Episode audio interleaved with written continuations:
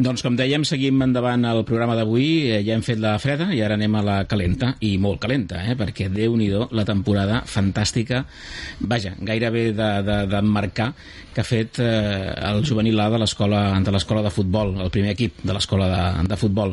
No només ells, eh, perquè jo m'ho he apuntat aquí. El Benjamí G, campió, i puja a primera. L'infantil A, que eh, puja a divisió d'honor. El cadet A, que aconsegueix seguir a divisió d'honor. L'Alaví C, que fa l'ascens a preferent el Benjamí L, campió de segona i puja, eh, de, primer, de tercera i puja a segona. I algun que em deixaré segur perquè sou molts equips. Eh, José Manuel, José Manuel Serrano, l'entrenador del juvenil, benvingut. Buenas tardes, Hola, ¿cómo buenas estamos? tardes, ¿qué tal? Bien, Oye, muy bien. esto es, esto es tener un palmarés, una cosa, una alegría que es increíble. Bueno, muchos años de trabajo y la verdad que se hacen las cosas bastante bien y al final se consiguen resultados. Mm. Basándose en la formación, acaban los equipos funcionando. Sobre todo los benjamineles sí que es curioso porque son chiquitos de primer año Mm. y la verdad es que juegan ahí Es que es la L, ¿eh? O sea, y la verdad que muy bien. En líneas generales el club está bien, luego mantenemos también muchos Bs o intentamos mantener los Bs, sobre todo de preferente, que también son el puente o el camino para poder llegar a los División de Honor y las letras SAS. Y mantenemos Infantil B y Cadete B. Y ahí está Cadete C intentando también subir a preferente. Todavía le queda, tiene posibilidades, o sea que en líneas generales el año ha sido muy bueno. Y el juvenil C también tiene opciones todavía para subir a primera división. Ujú. Bueno, no todos los equipos suben, no todos los equipos eh, tienen éxito, pero realmente el balance de la escuela es muy muy bueno este año. Y en tu equipo en concreto, en el juvenil, en el equipo que entrenas, eh, el otro día lo comentábamos, inesperado, ¿no? ¿no? No parecía que fuese un equipo al inicio de la liga que hubieseis montado como para ascender, como para ascender, sino como para, digamos, consolidar, pero ahí estáis, habéis hecho una temporada fantástica. ¿Cuál es el truco? Pues no sé, sí, en principio se, salió con la idea de hacer un proyecto a largo plazo. Eh, cogimos, eh, hicimos, montamos el equipo prácticamente volviendo un poco a los orígenes, eh, gente de la casa, entre el cadete División Honor que yo entrenaba y los chicos que estaban en el juvenil B, que eran de primer año. Algunos, mm, prácticamente los de último año, la mayoría no se quisieron quedar. Lógicamente ellos tienen más ambición y ya no querían volver a repetir en preferente. Y el objetivo era eso, hacer un proyecto un poquito a largo plazo. Pero no sé, se dieron todas las circunstancias. Montamos un grupo no muy, no muy extenso, con jugadores, la verdad, que compiten muy bien, que se han adaptado muy bien a todo lo que hemos pedido, a competir. Y semana a semana íbamos viendo que, que las cosas iban bien y, al final decimos, bueno, pues vamos a intentar ya luchar por esto. Y bueno, se ha conseguido, pero siempre mm, con el objetivo de formar, de que los chicos trabajasen bien, jugasen bien, compitiesen bien, sin mirar más allá de, de lo que era la clasificación. Evidentemente, cuando ya ganamos en Castelldefels la segunda vuelta y teníamos ahí un calendario un poquito complicado, que fuimos a Cornellá, Nastic y demás, sacamos muy buenos resultados y nos despegamos, ya, ya vimos que teníamos muchas opciones porque la verdad que no bajaban. El pistón ha estado durante todo el año a un nivel prácticamente muy regular y muy bien. Isaac, tu, tu que coneixes, diguem, les categories, tot i que entrenes sí. a la competència, però bueno, t'ho perdonem. Bueno, et dic més, el juvenil C s'està jugant la lliga, la lliga contra mi, o sigui que... No, no veas, eh? M'interessa que no pugi. M'ha de fer un favor encara, perquè juguen segon contra tercer. Per qui no ho sàpiga, l'Isaac és entrenador del... Exacte, Montserratino. Quin, eh, Juvenil A. Juvenil A. Per tant, diguem, bueno. competència directa, però vaja, coneixes bé... Tampoc molt directe, eh? No et creguis. No creguis. Almenys en la, te en la teva... A la meva sí, En el no. teu negociat sí. meva sí. Eh, però coneixes la cate les categories, coneixes el món del futbol juvenil. Com, com valores la feina que ha fet el juvenil A d'aquest any? Bueno, espectacular. El que dèieu, ara, ara ho parlàveu, era un equip molt de primer i de segon any, que teniu pocs jugadors de tercer any, que potser era més pensat a, a dos anys vista intentar pujar. Jo l'he anat seguint. Evidentment, els caps de setmana no tinc gens de temps per veure'l. L'he vist només el dia de l'Atlètic Segre, em sembla, que donaven per la tele. I bueno, al final han fet un any espectacular. Des del dia de Castelldefels, que potser era el dia que decidia una mica la Lliga, i penso que el Castelldefels des de llavors s'ha desinflat una mica també, però és molt difícil mantenir el llistó alt setmana rere setmana, i més preferent categoria molt complicada, perquè tots els equips al final no és juvenil segona, jo entro en juvenil segona els, els partits que juga contra els 5, 6, 7 últims és que sense fer gran cosa guanyes. A preferent tothom et competeix més o menys. Mm. per tant és molt complicat setmana rere setmana intentar guanyar. I la feina de l'escola és espectacular sobretot amb els As aquesta temporada cadet ha salvat moltes jornades abans infantil ha pujat a la divisió d'honor és espectacular la veritat és, és un any molt bo perquè al final puges infantil a divisió d'honor cadet mantens divisió d'honor eh, juvenil a nacional molts anys després mm. és un any espectacular la veritat Realmente la escuela es una máquina grande.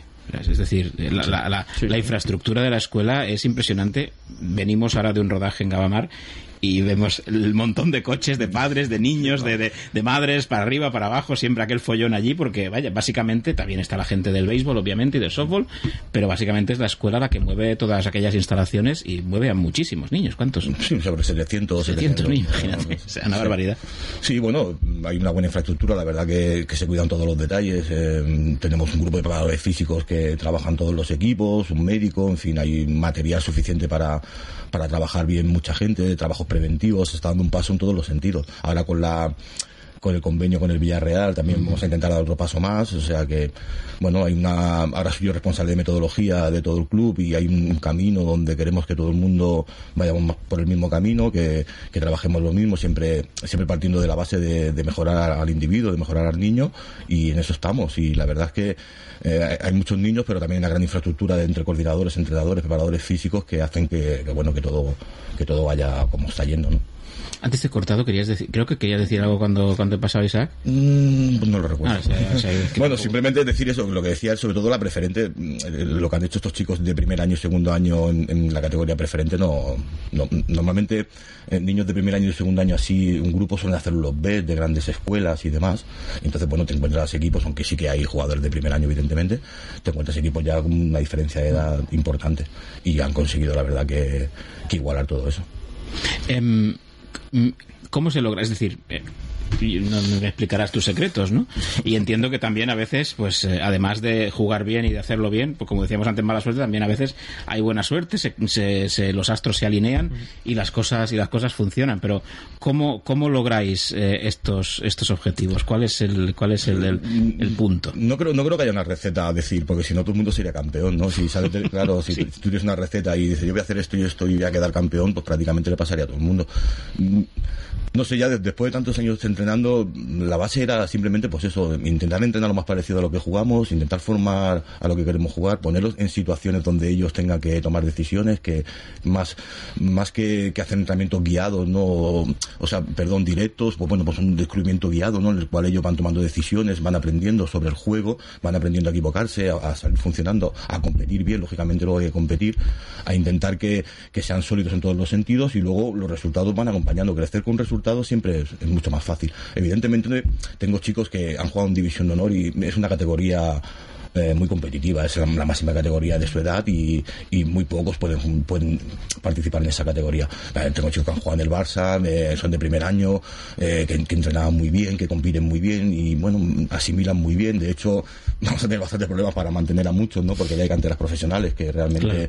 quieren, quieren este tipo de, de jugadores porque pues se ha dado todo eso. Eso no es una, una fórmula especial, simplemente montas un, un equipo y, y coincide que, que todos en general en su posición eh, han dado un rendimiento excepcional. Entonces han ido creciendo sobre la marcha. Mm, Puede pasar, sí, pero a lo mejor tampoco puede pasar. Nunca, nunca sabes. Lo que, lo que nunca intentas cambiar es el, es el camino, ¿no? El- la forma de trabajar y la forma de hacer las cosas. Luego, como decía hace un momento Juanjo, la pelotita manda, ¿no? Y, y nosotros hemos tenido, en otro sentido, el, el partido, por ejemplo, del Segra o, o Castelldefels inclusive, son de los partidos que más hemos sufrido. O sea, hasta el punto de no tener el control del partido, que es una cosa que no nos gusta. Y ahí en Segra ganamos prácticamente en el último minuto, porque también los equipos, cuando nos empatas, se van hacia arriba, y nosotros realmente no, no desperdiciamos nunca tampoco una salida rápida, un balón largo para, para poder ganar, porque teníamos un jugador que era capaz de hacer eso, y siempre hemos acabado ganando 1-2 en el, en el 90, en el descuento, en una contra, después de estar sufriendo muchísimo, ¿no? Claro, quiere decir, es un equipo que es capaz de tener una posesión increíble en muchos partidos, por encima del rival casi siempre, y luego saber sufrir los momentos difíciles y acertar, ¿no? Sobre todo acertar. Claro, porque tú ves eh, campeones a cuatro jornadas del final, parece que haya sido un pase militar, pero vaya, si te pones a mirar bien cómo ha ido la cosa, pues Claro. ha habido momentos en los que lo habéis pasado mal, claro. Claro, la temporada siempre ha sido dura. Recuerdo cuando fuimos a Siches a la Blanca que perdimos allí, luego vino Calafel empatamos, nos fuimos a cinco puntos, todo parecía que era, era negro, pero bueno, siempre con la tranquilidad. Luego, los rivales sí que es verdad que cuando nosotros hemos pinchado, entre comillas, hemos ido, no sé, a, a algún- a alguna zona de Tarragona y hemos empatado, que era la posibilidad de ellos recortarnos, pues a lo mejor han perdido, ¿no? Y encima de no recortarnos, encima le hemos sumado uno más. Eh, después de Castelldefels sí que es verdad que todavía se mantuvo un poco ahí la batalla, pero bueno, luego cuando hicimos, teníamos un, un pequeño turmalet, ¿no? Que llamo, que lo, lo he comentado antes, que era el día Cornellá, Nastic, y que eran rivales muy difíciles. Prat, que yo pensaba que también iba a ser un rival muy duro. De hecho, lo ha sido, sobre todo ahí en casa, en su campo, aunque ahora esté jugándose el descenso. pero allí tuvimos pues eso la, la posibilidad de ganar con, con, cierta holgura le dio a los chavales mucha confianza y cuando ya nos, nos separamos un poco ya era difícil de que de que nos recortaran esa distancia aún así el camino siempre ha sido durísimo, ¿no? O sea, hemos tenido también temas de COVID, como todo el mundo, plantilla corta, ha sido un año todavía en la transición del COVID, uh -huh. con muchas limitaciones. Y, y, el grupo uno de, de preferente no es nada fácil, porque como normalmente Tarragona no completa un grupo entero, suelen meter a los que estamos más cercanos de, claro. de, la zona de Tarragona y bueno, son viajes, al final es un año duro en ese sentido, no, uh -huh. no, no, solo, igual estás en el grupo Barcelona prácticamente no viajas, pero aquí nosotros pues bueno, hemos tenido que bajar y, y, y, y lejos, ¿eh? porque San Carlos de la Rápida o, o Camarle son, son destinos relativamente largos, ¿no? Y Lleida inclusive hemos tenido que ir este año también, uh -huh. en fin, que, que es una, ha sido un año, un año duro, pero la verdad que el día a día ha sido, ha sido muy bueno, muy bueno, es que no he tenido en ningún momento nada que, que reprochar a los chicos. Què li espera Nacional ara a l'escola? Home, doncs no sé. Eh, depenent del que pugui aguantar, ho ha dit ell, que al final serà molt important també retenir. És un equip tot de primer segon any, pràcticament, per tant, tot el que es pugui retenir seran jugadors que han demostrat ja que preferent a nivell, per tant, un any més gran segur que tenen nivell a nacional. Per tant, bueno, veure la confecció de la plantilla, al final això és molt important de, de cara a veure quin, quins objectius tenen. Si poden aguantar la plantilla, doncs segur que, que són un equip de, dels que farà bona feina nacional. Però nacional també és molt complicada. Al final és el que, és el que parlem. Esto de aguantar la plantilla, bueno, ya, ya, ya veréis, ¿no? Porque bueno, imagino que vienen a picotear. ¿verdad? Claro, evidentemente prácticamente todos los han llamado. Esperaremos que no se vayan al club donde mm, somos iguales que ellos, ¿no? O prácticamente igual que a ellos. El chico que venga a una cantera profesional y se lo lleve, evidentemente agradecidos vamos a estar y encantados de que, de que den ese paso. Eh, intentaremos mantener el, máximo de, la gente, pero bueno, vuelvo a repetir, tenemos por detrás muchos equipos, muchos jugadores, tenemos un cadete de división de honor donde hay chicos realmente de un nivel excepcional y no tenemos problema en meter chicos de primer año si realmente funcionan luego dice, bueno, lo pones en el escaparate, sí, pero no por eso no por eso no lo vas a hacer, ¿no? Este año seguramente si no hubiésemos subido hubiese sido peor, mm. porque prácticamente no hubiesen desmantelado todo el equipo. Claro. Eh, evidentemente al subir y tener una categoría como Liga Nacional con muchos chicos de segundo año, hay un aliciente. Hay un aliciente en el cual ellos pueden todavía bueno, quedarse aquí e intentar intentar progresar aquí reforzaremos las posiciones que se marchen porque se tienen que marchar, pues bueno, reforzaremos con si tenemos que traer algo de fuera y si no, evidentemente ya tenemos planteado tener muchos chicos de la casa también, ¿no? uh -huh. darle la oportunidad a la gente de la casa que, que realmente creo que, que es lo que funciona, porque tenemos una forma de jugar un poco característica y no es fácil. Los chicos que nos vienen desde abajo, para nosotros, para los sentadores, es mucho más fácil, porque entienden ya el claro. idioma, aunque tú luego les des tus matices, más o menos eh, te vienen con las ideas muy claras, ya sabemos a lo que jugamos, a la forma de jugar, a nuestro modelo de juego, y eso a, al final a la larga es beneficioso. Siempre beneficioso. la gente de la casa siempre, siempre, siempre, bueno. Siempre. Nosotros, la etapa que yo estuve aquí, que subimos a División de Honor, Liga Nacional, aquellos años tan buenos, eran bloques eran bloques, podemos recordar el bloque, el primer bloque de Uriol, de, de Quiles, luego el de Lucas Ferrone, con, y, hacemos una alineación entera, y de ahí para atrás hasta Dani Pedrosa, o sea, eran gente que venía desde atrás, todos muy juntitos, eh, jugando juntos, sabiendo a lo que jugamos, y eso al final te da, te da muchos resultados. Luego, evidentemente, poner las piezas que necesitas, sobre todo en este tipo de categorías, ¿no? Puede venir siempre algún descarte de división de honor, aquello que es un jugador top, ¿no? Y mm. te puede caer de, de, de, escuelas donde juegan a lo que jugamos nosotros y evidentemente se pueden aprovechar. Pero en principio la idea es mantener el máximo posible y reforzar lo justo y, y subir gente de la casa. Es que si te sube una, una estructura que ya son amigos, por decirlo de alguna manera, ¿no? Que son, o al menos son compañeros, se conocen, pues lo que decíamos de Ted Lasso, que es mucho más Correcte. així, a través de l'amor. No, i és, imp és important, però sobretot la diferència d'edat jo crec que és molt important. Nosaltres a la nostra lliga, ara parlo, uh, on jo entreno, quan vam jugar contra el Gavà, el Gavà va pujar-se a set cadets de divisió d'honor. I nosaltres amb el juvenil nostre vam guanyar, però no vam guanyar perquè els meus jugadors siguin millors, vam guanyar perquè els hi treuen 4 anys. És que és molta diferència. Clar. I per tant, al final és molt valorable això. Quan tens un equip molt de, de primer i de segon any, és que és molt complicat. I nosaltres, sent un juvenil segona, vam guanyar set tios de cadet divisió d'honor, que tècnicament i tot això, mm. molt millors, però clar, els duels, amb tot això, al final és complicat quan els hi treuen 4 anys. Però ve un cadet divisió d'honor també molt, molt interessant. Doncs, eh, José Manuel, enhorabuena por el éxito. Muchas gracias. Y una pregunta que te quería hacer, yo, tú, tú me respondes lo que tú quieras. eh, tú que has estado en el sitio de Carricondo, que has estado entrenando al Gabá en momentos difíciles, ¿cómo, ¿cómo lo ves o qué mensaje le envías? Bueno, evidentemente sé lo que está pasando. Esto es posiblemente la cara más amarga que puede tener un entrenador en el fútbol, ¿no? Eh, que lo que es descender. Evidentemente todo parece ahora pues una montaña, pero bueno, luego lo que él comentaba, al final está entrenando un grupo de chicos que ha visto su progresión, que lo han dado todo, que las circunstancias mandan, el club no mm, bueno, no, no tengo tampoco que descubrir que no, está, no pasa por su mejor momento, ¿no? Es una cosa que, es evidente, que hay muchas circunstancias y luego solo, solo lo saben lo- los que están dentro, ¿no? El día a día de, de este tipo de equipos donde hace cuatro días éramos uno histórico, pues ahora el día a día no es fácil. Tienen que hacérselo todo ellos, tienen que trabajar, ser uno más, no deja de ser un club, un club muy humilde y, estoy seguro que lo han dado todo. O sea, eso no me cabe la menor duda. Evidentemente, llevábamos muchos años ya mm, coqueteando y- y que podía pasar este tipo de cosas. Bueno, al final se ha dado, es una pena. Yo, la verdad es que, que para mí, yo soy, yo soy gabanés, yo he nacido aquí, yo soy del Gabá y, y bueno, es un momento triste, pero yo creo que el míster ha hecho todo lo posible. Yo coincidí algunos días allí en Cantorillo entrando con ellos, los veía y el equipo siempre lo daba todo. O sea que no creo que se le pueda pedir nada más, simplemente que le ayuden todo lo que puedan, si realmente decide renovar y que devuelva al club lo antes posible, que se devuelva al club lo antes posible a, a la categoría que debe que creo que, el Gabá se merece, ¿no? Sin prisas, sin, sin volverse loco, con cosas realistas y bueno, y al final creo que con la base que tienen y con el entrado que tienen lo vamos a conseguir. ¿Tú crees como aquel proverbio chino que dice que no todo mal trae un mal y no todo bien trae un bien, que, que puedes bajar de categoría y eso acabar siendo beneficioso para, para el equipo? Bueno, yo recuerdo también a- aquello, lo, lo he comentado, a la etapa aquella que bajamos a primera regional, que estábamos ahí en Cantín Toré, que yo estaba en el juvenil todavía, y bueno, también parecía que se iba, se iba a caer el mundo. Lo, lo que ha cambiado son, son los tiempos. Antiguamente posiblemente todo era más fácil, porque siempre había una manera de encontrar recursos para que, que el equipo fuese hacia arriba, ¿no? Montar equipos en primera regional que eran de preferente, montar equipos en preferente que eran de primera catalana, eso lo hemos visto continuamente, ¿no? Porque teníamos muchas posibilidades. Ahora hay que ser realistas, eso, eso ya no es así. Ahora tenemos que intentar buscar gente que realmente quiera jugar, que quiera competir y que, que intente, que intente subir al club. Dar un paso hacia atrás es, es- son ciclos, son ciclos. El Gabá creo que tiene muchos años, el Gabá debería de, de seguir existiendo y los ciclos al final te llevan a esto, pero esto no es, no es, no es problema de ahora, esto es un, digamos, un problema que nos hemos, nos hemos creado de hace mucho tiempo atrás.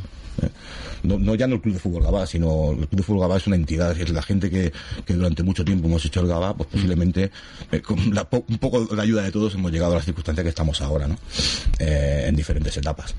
Y ahora, pues bueno, ahora hay que ser realistas y intentar, bueno, el presidente tiene la palabra, lo que, lo que tiene que hacer y lo que quiere hacer, pero bueno, yo, yo espero que si mantienen el míster y mantienen jugadores y seguramente van a venir porque el Gabá es un equipo atractivo, eh, conseguirán, conseguirán subir. Doncs eh, aquí ho hem de deixar. José Manuel, gracias por acompañarnos. Como le dije antes a Carricondo, también te doy las gracias a ti porque te he hecho ir y venir. Porque Bueno, estas, no últimas, estas últimas semanas no sabíamos si hacíamos programa, si no hacíamos programa. Ven, Serrano, no vengas, ven, no vengas. No- no te y al final aquí estás y te doy las gracias. No, los lunes- Porque también tú siempre lo, lo pones fácil, la verdad. Bueno, no tengo ningún problema. Siempre te agradecer el trabajo que hacéis. O sea, vosotros eh, dais nombre a lo que es el Gabá y da gusto venir cuando venís a la bóvila a hacer las entrevistas y que haya, que haya un poco de, de información ¿no? sobre lo que se da- Realmente es, es un placer. Pues muchas gracias. Enhorabuena de nuevo por el trabajo. Muchas extensivo a todo tu cuerpo técnico y a Muchas todos tus gracias. chicos, a los jugadores. Y nada, el año que viene en Nacional, pues nada, darlo todo. Sí, bueno, es como siempre. Muchas gràcies. Muchas gracias. I gràcies també, Isaac, per quedar-te. Ens fa molta il·lusió que hagis tornat al plató, a l'estudi.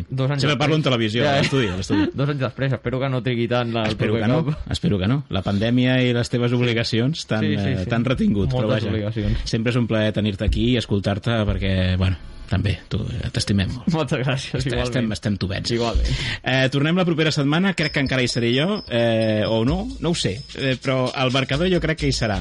I com dèiem, eh, quan acabi la temporada del Gavà també farem un darrer programa una mica també per celebrar aquest centenari, que no acaba de, o sigui, és a dir, no, no, no, no acaba la cosa aquesta temporada de la millor manera, però esperem que la propera, doncs mira, eh, en aquest punt de la temporada d'aquí un any ens tornem a trobar i estiguem tots eh, doncs, molt més animats. Gràcies per la seva atenció, gràcies per escoltar-nos, gràcies al Carles Cianes a l'altra banda de la peixera portant els controls i això, ens retrobem la propera setmana més esport aquí al marcador de Ràdio Gava. Adéu-siau.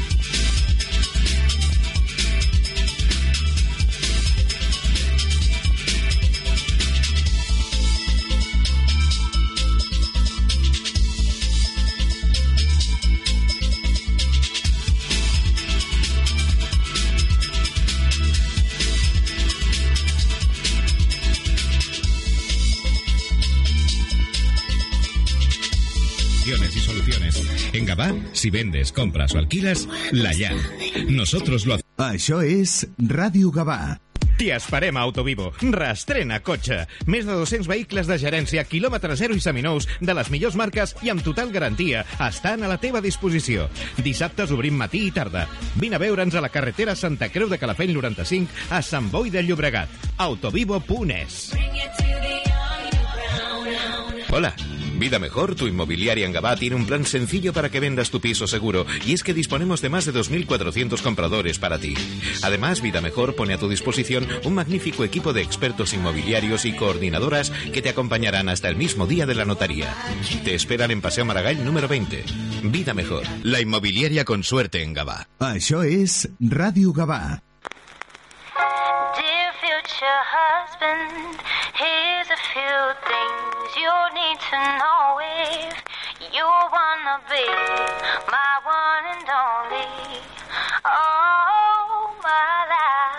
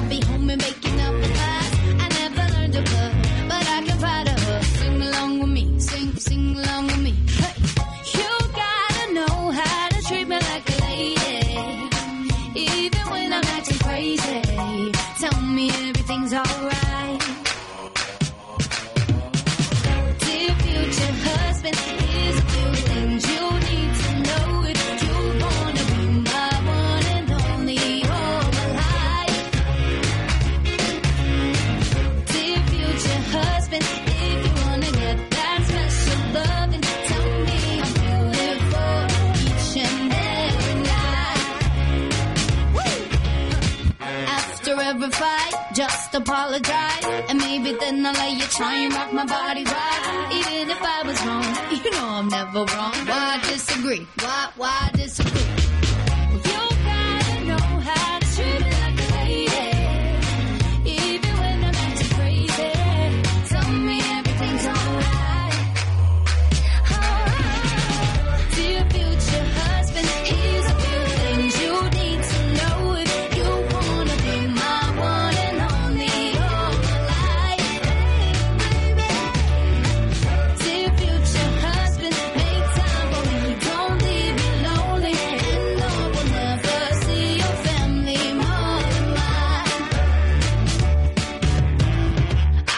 Sleeping on the left side of the bed.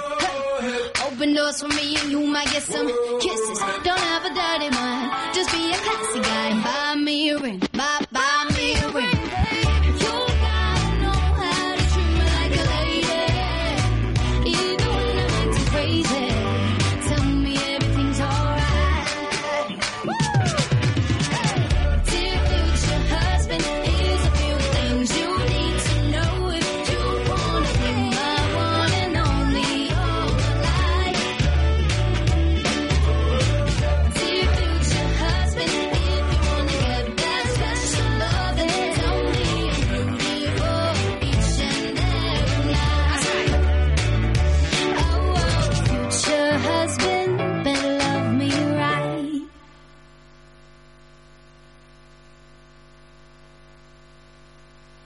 Això és Ràdio Gavà.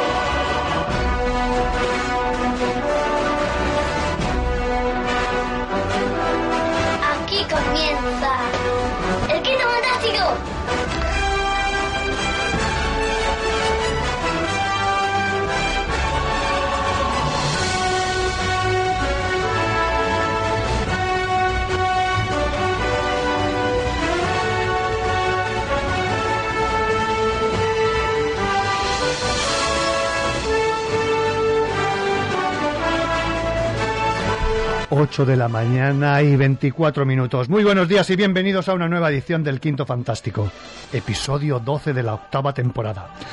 Un saludo de quien les habla, Alberto Jiménez. Y cómo no, dar los buenos días en un día radiante de sol que tenemos aquí en Gabat, de lo que se avecina un gran verano, eh, hay que, que hay que disfrutar, que hay que disfrutar tanto en cine y en cómics. Dar los buenos días a nuestra vigilante del universo, que nos controla, nos asesora. Doña Maite, muy buenos días. Let's do it.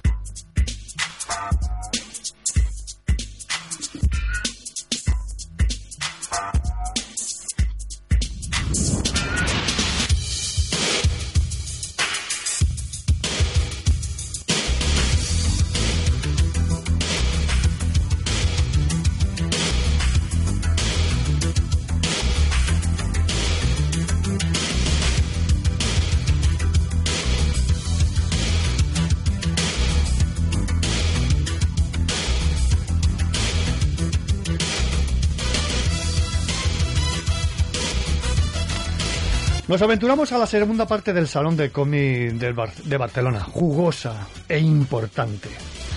Con, sobre todo por las, por las entrevistas que, que realizamos allí en el sector fanzine, que siempre no nos deja indiferentes, cómic en estado puro, yo siempre lo recalco. Eh, yo creo que no me enrollaría mucho más y casi que iríamos con, con, la, con la primera entrevista y bueno, mm, con un clasicazo, un amigo y un, un fanático del cine de terror, haces este fanzine que es una auténtica gozada leerlo por todo, por, por todo lo que pone, por sus, por las anécdotas, por las historias del cine y de cómo lo cuentan él y, su- y sus colaboradores, ¿no? Eh, él es Dani Moreno y Amansing Monster, ¿no? Eh, bajo las infusiones de, de las hierbas que allí nos estábamos tomando, nos habló de cómo ha ido, había ido la pandemia y de cómo había evolucionado el fanzine eh, que él publica, el Amansing Monster. Así que, Maite, vamos a ello. Bueno, pues nos encontramos un sábado a mediodía y no podíamos faltar ni en nuestra cita, ya que la- el último año estuvimos hablando con él y nos deja siempre unas pinceladas ahí a tope de terror y estuvimos con Dani Moreno y Amansing Monster. Dani, muy buenas tardes. Muy buenas, tío, ¿cómo estáis? Pues muy bien, oye, bienvenido una vez más aquí al Quinto Fantástico de Radio Gabá. ¿Qué tal, tío? Oye, la pandemia, tío, ¿cómo se ha reaccionado un poquito? ¿Cómo, cómo, cómo te ha afectado? ¿Cómo te ha afectado? Y sobre todo, si has tenido muchas ideas y has guardado muchas en el cajón. Sí, tío, la pandemia para mí fue un, un punto de inflexión. Fue un punto de inflexión total. Em, cambié, mi, cambié mi alimentación, cambié mis, mis objetivos de vida. Bueno, creo que nos ha pasado un poco a todos, ¿no? la pandemia ha creado un punto de inflexión. Y lo que me gusta mucho ahora en este salón pospandémico es ver que la gente viene con mogollón de ganas, con mucha energía, con ganas, incluso ganas de gastar dinero, ¿no? Ganas de decir, hostia, me voy a pillar esto. Yo creo que nos han quitado una parcela de libertad muy importante y ahora estamos como degustando nuestra libertad, por fin, otra vez. Queriendo coger un poco esa, esa porción que hemos perdido en estos dos años, ¿no? Exacto. Y lo noto muy, es muy energético, ¿no? Ves a la gente que hace tiempo que no ves y... No sé, tío, hay, hay muy buen... es- yo creo que es uno de los, así, emocionalmente, uno de los salones más equilibrados que recuerdo. Yo creo que también influye mucho el año, eh, bueno, el último año que se estuvo y tal, que pegaron el toque y tal, que el- sobre todo al tema de fanzine os pusieron prácticamente de cara mirando la pared.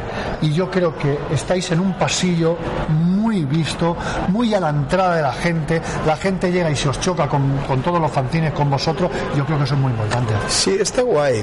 Em, el fancineo siempre ha estado un poco vapuleado, ¿eh? Eh, yo recuerdo años que, que estábamos literalmente en el culo del salón. Pero hace de unos cambiaron la directiva y de unos años hacia aquí me gusta mucho cómo lo han porque al fin cómo, cómo lo han gestionado, ¿no? No tenemos esas mesas tan pequeñas, ahora tenemos unas mesas más grandes, tenemos dos, dos plafones detrás para poner camisetas, los pósters, etc- etcétera. O sea, está muy, mucho mejor montado. También es lo que tú dices, lo ponen en, en- en lugares un poco más de, de más acceso. Pero no creo que sea tan importante para el fancinero, porque el, el fancinero hace un producto que tiene su público. Y tu público te viene a buscar ya sabe. Sí que, sí que hay un factor grande que es el hecho de que estés que estés eh, diáfano, ¿no? Que la gente te pueda, te pueda ver. Pero creo que nosotros nos va bien, aunque estemos lejos, nos vienen a buscar. El clásico, el clásico, como puede ser así ya un poquito ya que estamos entramos en unos años, pero ya de cara a las nuevas generaciones, la- la los chavalitos que entran, que, que miren, que se asombren, que digan, hostia, esto me llama, esto me tira, oye, esto es, irrever- esto es irreverente. Pues aquí lo que le llama a la adolescencia y al público juvenil es la irreverencia. Totalmente. De hecho, el otro día se lo comentaba a un colega que el, el Salón del Cómic para mí fue el, el- era el, el lugar de peregrinaje para romper pa- para romper mis, mis o sea para de eh, iconoclasticismo. O sea venía yo de, de jovencito al salón y me encontraba con el Borja Crespo con el ladrón con el con todo, todo la peña el Miguel Ángel Martín que está firmando ahora y era toda esa esa movida de, de- cosas que tú no podías ver, que no eran para tu edad, pero que te fascinaban. Y, yo creo que es un, lugar importante para, para esa juventud que, que quiere romper con el con lo, con lo hegemónico, ¿no? con la- el mainstream.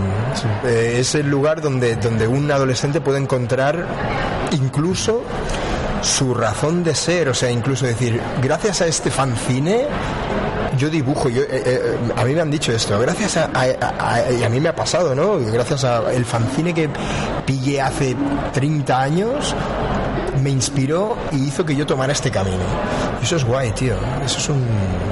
Sí, sí, sí. No, y sobre todo, sobre todo como tú dices a- a- ahora mismo en la sociedad 2022 que estamos, que está todo prohibido, prohibido, parece, bueno, prohibido no, a ver si me explico, que, que el- Edulcorado. Edulcorado y ofendidito. Parece que pones una portada, oye, esto me puede ofender a mí, oye, no hagas esto, oye, tío, Eh, hemos, hemos llegado a un, a un extremo, eh, yo le llamo que es una neurodictadura, porque es un dictador que te, in- que te instauran en tu cerebro. Entonces es un pequeño dictador en tu cerebro y donde tú estás todo el rato cotejando y, y- y- y viendo si, si, tus, si tu opinión se, ¿no? está, está en la línea de, de lo hegemónico. Que les den por culo, tío. Es que es verdad, tío. yo- es que digo, me pondría, lo que tú, lo un poco lo que has dicho antes, me pondría en la piel de ellos, digo, la gente así de los 80 y principios de los 90, que eh, revistas adultas, víbora y todo esto, bueno, se ponen ahora y están todos en la cárcel. Bueno, yo creo, vamos, es que seguro, vaya, todos los autores. Yo creo que dentro de poco va a haber un, un nuevo destape. Porque nos, está- nos están acotando mucho a nivel. Porque quieren crear eso, una, una, una moral hegemónica. ¿no? Ahí está, perfecto. Y en esa creación de la moral hegemónica no entran, pues. Es triste porque no entran cosas underground que, que son interesantes, no entran. Pues eso, salirse de. El movimiento underground de, lo- de principios de los 80 es que nos marcó a muchos la transición, movimiento de vivo, la- lo repito otra vez, el movimiento aquel underground era, era mm, es que nos llenaba, es que era eh, una libertad tremenda. Exacto, y, y fue un poco la, la continuación del underground americano, porque hu- hubieron bastantes eh, editoriales como la Makoki, Víbora, eso, que editaban cómic underground americano, Robert Crumb, eh, Peter Buck, bueno, en los 90 luego. Y todo fue como una explosión eh, exponencial de libertad, también porque aquí habíamos estado eh, bajo dictadura también, y es un poco como ahora, ¿no? Que hemos estado confinados y, y saboreamos esa libertad. Eh, Lo guay, lo guay de esto que dices de la contracultura es que cuando tú estás consumiendo contracultura estás saboreando la libertad. Sí, sí, sí. La libertad, pero además una libertad que no es solo tuya, es una libertad generacional, una, ¿sabes? Sí, sí, sí, sí, sí, sí, sí. Muy guay, tío. Es, oye, son, son cositas muy sabrosas. ¿eh? Que- vamos, es que me quedo muy identificado con lo que dices. Claro, oye, es volviendo a la Mansing Monster, ¿qué nos vamos a encontrar en el último número ahí? Es- Pues- he, visto, he visto nada más que ya de los vampiros de los 80, ya me he enamorado. Sí, sí. Ahora voy a cogerlo. Este es especial Vampiros de los 80. Eh, Aquellas películas que nos fascinaron, la de, la de jóvenes ocultos, que decíamos, "Oh, ¿cómo pueden ser tan guays estos vampiros? Yo quiero ser un vampiro. Que también quería ser Cory Feldman y Cory Haim, pero... pero claro, es que Kiefer Sutherland ahí dices, guau, yo quiero ser esto de mayor. Sí, sí, sí. Yo creo que ahí pasó un poco que queríamos, lo que tú dices, que queríamos todos ser vampiros, ¿no? Sí. Parece que pasó que el, que el super el superhéroe era ser un vampiro. Exacto, quería ser un monstruo. Sí, sí, sí, sí, sí. Y, y en, en Noche de Miedo también, la película es una pasada. Y hablamos de Dime, eso. dime que habláis de Noche de Sí, Miedo. sí, sí, hay un artículo muy guay de Raúl Lanzola que, que habla de Noche de Miedo. Luego tenemos uno sobre la, el, otro gran pilar de vampiros de los 80, que es eh, Los Viajeros de la Noche. Sí, sí, sí. Yo fui fanático de, de Noche de Miedo de Tom Holland. Es que me impactó tanto, es que me impactó tanto, sobre todo por, por la historia y bueno y por y, y por el cachondeo, el era Vince- ay, ¿cómo se llamaba el tío? Eh, Peter Vincent. Peter Vincent, Peter Vincent. de Peter Cushing y Vincent Price. ¿no? Exacto. Está muy bien. Está, Te- me impactó tanto la historia que, que, que es un icono. y está hecho con cariño, además, ¿no? Ahí está. Ahí está el remake no, el remake no me, bueno a mí no me, el Colin Farrell aquel me, me el pareció actor un no me mola, los remakes no me molan, ni todo que no me mola, pero bueno, mira. Hay que, bueno, qui- quieren renovarlo todo, ¿no? Está bien, en realidad, bueno. Eh, pero como la de los 80 no van a No, no, no, ninguna, como no, o sea, uno, mira que es única. No, no, no, imposible. Imposible ese Caliu y esa cosita y lo que Vincent Vincent Eh, Prin- eh, bueno, Peter Vincent. Peter Vincent, Esa es- peli le tengo mucho cariño porque yo la vi con mi madre. Y recuerdo cuando era pequeño haber visto Noche de Miedo con mi madre. Y es una de las, bueno, es una de las experiencias cinematográficas que me han marcado. Es una gran película. Oye, Dani, pues es un placer siempre hablar contigo un ratito, compartir y, y, sabes, y me alegro mucho de que, de que tengas esa visión de decir, oye, estoy contento, estoy feliz porque la gente se acerca, porque la gente nos saluda, porque, porque hay ventas también, porque todo el mundo está, se está aquí en- en- por un motivo y tal. Y me alegra muchísimo de que Amansa y Monter esté tirando para adelante. y- Pues muchas gracias, tío. Estamos a tope. Estoy más a tope que nunca. Pues oye, espero, espero verte pronto otra vez. Vale, tío. Encantado.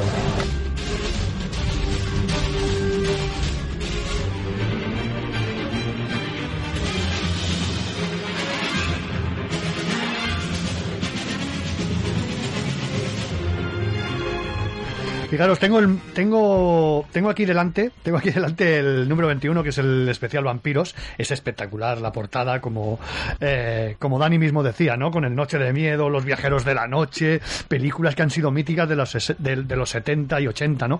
Pero ten- me hice con el número 17, que es un, es un especial de muy comiquero que es espectacular porque hacen una biografía, hacen un homenaje a, a Bernie Wrightson, Jesús Martí, hace un homenaje de su trayectoria espectacular y nos hace otro homenaje a la- lo que es la- lo que se, lo que es y lo que fue la gran revista la gran revista Creepy, ¿no?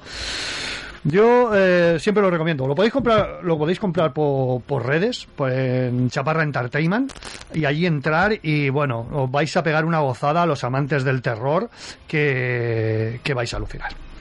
Bueno, vamos con la segunda entrevista. Vamos con Teresa Castro, del colectivo Autoras de Cómics. Eh, mm, me he comprometido con ellas a hacer un día un- una, una tertulia, una mesa redonda con ellas. Ya puede ser vía, vía Zoom, vía telefónica, no lo sé cómo será, ¿eh? pero mm, yo creo, me decanto más por vía Zoom, a ver si podemos contactar con todas, con Raquel Gu, con Raquel Gu, que le, le tenemos una deuda a Raquel Gu de hace mucho, mucho, mucho tiempo. Eh, como digo, para saber sus inquietudes, eh, sus problemáticas, porque hay mucha tela, hay mucha tela que cortar. Eh, ya lo nos reflejó en la entrevista de la semana pasada a Marica Vila, ¿no? Eh, y creo que dándole, dándole el premio. Y creo que tenemos que sentarnos y, oye, hablar una buena tertulia, compartir pensamientos que, y, y súper bien, encantado. Bueno, ya lo veréis, hablando con Teresa Castro, súper bien. Dale, Maite. Bueno, pues primer día aquí en el stand de colectivo de autoras de cómic, viernes, afluencia de público genial, mucho colegio y la cosa parece que se está animando después de dos años de pandemia. Y nos encontramos, vamos a hacer la primera parada obligatoria aquí en el colectivo de autoras de cómic. Y nos, vamos, va- eh, nos hemos encontrado con Teresa. Muy buenos días, Teresa. Hola, buenos días. ¿Qué tal? ¿Cómo estamos? Muy bien, pues contenta de regresar a lo presencial después de estos dos años tan difíciles. Y nada, pues encantada de que haya tantas escuelas, a ver si de verdad se mueve un poco. Yo creo que es el, el día clave, sobre todo para las escuelas, para hacer un poquito, a ver, el símil futbolístico, un poquito de cantera. Vamos a ver si, si hacemos un poquito. Sí, hombre, es importante que las, las personas jóvenes empiecen a leer, se acerquen al cómic, que al final es un medio de cultural y de comunicación increíble. Y encantadas de que se acerquen a visitarnos, la verdad. Oye, y Teresa, que siempre el- parece que el cómic sea un, a ver, no sé cómo llamarlo, un poco tabú para las, para las chicas, mujeres, no sé. Y oye, yo creo que ahora parece que estos últimos años la cosa está saliendo, está- eh, hay muchas mujeres dibujantes, guionistas, y la cosa está tirando para adelante. Sí, no, la verdad es que ahora de- de- de- yo creo que estamos viviendo un boom de las autoras, tanto dibujantes como autoras completas y guionistas, lo que has dicho, porque yo creo que ha habido un trabajo previo, eh, yo creo que de la generación que empezó a leer manga, eh, ahí el manga sabemos que tiene mucho tirón con las chicas y esas generaciones están llegando. Y entonces ahí estamos en un, en un nuevo momento para las mujeres en el cómic. Eh, creo que tenemos que seguir trabajando sobre ello y, y que se nos siga apreciando, pero bueno, yo creo que estamos en muy buen momento. Yo creo que sí. Oye, colectivo de autoras de cómic, ¿cuándo se crea? ¿Cuándo ¿Quiénes deciden de, de dar este paso para crear este colectivo? Pues mira, esto fue en el 2015 y fue una iniciativa de Elisa McCausland y de Carla Berrocal. Eh, y bueno, es un poco eh, un colectivo abierto a todas las mujeres y también a todas las personas que quieran apoyar la presencia de la mujer en el cómic y reivindicar el hecho de que no solo estamos para que nos pregunten "¿Y cómo es ser una mujer en el mundo del cómic, sino simplemente que se nos aprecie por nuestra autoría, por lo que hacemos y por lo que realmente aportamos al medio. Entonces, bueno, somos un, un colectivo súper abierto, que estamos encantadas de que vengan todas las mujeres y todas las personas que quieran apoyarnos y nada, pues aquí estamos. Es un apoyo importantísimo, porque ya te, bueno, aunque me repita, ¿no? El, el tema de tabú, pero yo creo que, que ha habido mujeres, que, bueno, y precisamente, fíjate, Marica Vila, todo un icono en revistas como Totem, Víbora, y bueno, premio honorífico, genial. Sí, sí, bueno, este año hemos tenido que acumular, como no hubo presencial, tenemos varios pero si queremos también, una de las labores que tenemos como colectivo es eh, recuperar a aquellas mujeres que trabajaron eh, muy en la sombra en aquellas revistas tan masculinas, eh, bueno, en nuestro pequeño mundo underground y que, y que realmente no se conocía mucho su trabajo o pasaban desapercibidas, ¿no? Porque al final los hombres eh, por delante. Entonces, bueno, también nuestra historia y nuestra presencia, que aunque poca, la ha habido. Sí, no, no, no, y muy importante. Y muy importante. y muy importante. Yo me remito sobre todo a estas mujeres, supongo a María Vila, de que dieron el paso en esta revista. En esta revista, como tú bien has comentado, Teresa, tan de hombres. Tan de hombres, tan de hombres, eso es, sí, ¿no? Y que dieron una visión mucho más feminista y que aportaron sus pequeñas cosas en un momento que no era nada fácil realmente, ¿no? Estar ahí y además eh, aportar una visión femenina. Otro detalle importante también, que me imagino que lo que tocaréis tanto en obras como en el merchandising que tiene, el colectivo LGTBI, que creo que eso es muy, es muy importante darle un apoyo tremendo. Sí, bueno, justo estás hablando con- conmigo que me defino como activista por los derechos LGTBI, o sea que fíjate tú. Sí, al final eh, las personas que, que pertenecemos a una minoría tenemos que estar presentes y se nos tiene que apoyar. Y bueno, y ahora también tenemos un buen momento con este tipo de temas. No sé si es por un poco el, lo que se dice eh, el gay friendly este un poco más mm, comercial, pero bueno, realmente ahora hay obras que si yo hubiera podido leer en mi adolescencia hubiera sido una maravilla, ¿no? Tanto como para chicos gays, como para personas trans, como para eh, eh, mujeres lesbianas. O sea, al final es una necesidad de vernos reflejadas en, en- en las obras de, de arte. y de todos los caracteres, todo lo que representa cada, es. cada uno en esta vida tiene que ser representativo. Seguro que lo habrán leído el de Sara Soler. Sí, sí, Bueno, claro. es, eh, eh, son cómics que te dejan impactadísimos ¿no? Por todo. Pero no por. Mira, fíjate, yo lo leí y ya no es por el tema de la reivindicación de sino también por el amor que desprende. Claro, sí, es que al final es Es una, una pasada. es una historia de amor, ¿no? Ahí está. Claro. Estamos acostumbrados a lo que dices, las princesas, el príncipe, el chico, mucho pretty y demás. Y vemos esta historia y digo, hostia, es que te llega la patata, perdona la Claro, sí, expresión. sí, totalmente. Totalmente. Sí. Oye, un placer poder hablar con vosotras y demás. A ver si, a ver si conseguimos que un día, yo que sé, hacemos una en Radio Gabá, hacemos una mesita redonda a través de Zoom o lo que sea, que sería interesante eh, pues contar con, con todas vosotras un poquito y hacer una, una gran mesa redonda, una gran mesa redonda allí. Vale, pues por mí perfecto y estaremos encantadas las que estemos disponibles. Oye, las personas que se quieran eh, vuestras, vuestros correos, vuestra página web, ¿dónde se...? Mira, pues el colectivo en realidad funcionamos con una página web de Facebook, que es un, eh, un grupo al que hay que solicitar acceso porque no tenemos una sede, en realidad no somos una asociación, eh, lo dice la palabra, es un colectivo que bueno, pues nos juntamos eh, para ciertos actos y para ciertos momentos, pero no, no funcionamos como asociación. Entonces eh, nos pueden encontrar en Facebook, buscan colectivo de autoras de cómic y, y ya está. Y con eso vale. Teresa, muchísimas gracias. Y esto que sea la primera vez para que podamos tener una toma de contacto mucho más grande para, para expandir sobre todo todo todo en lo que es el colectivo de autoras de Genial, cómic. genial, pues encantada. Muchas gracias, Teresa. Muchas gracias a ti.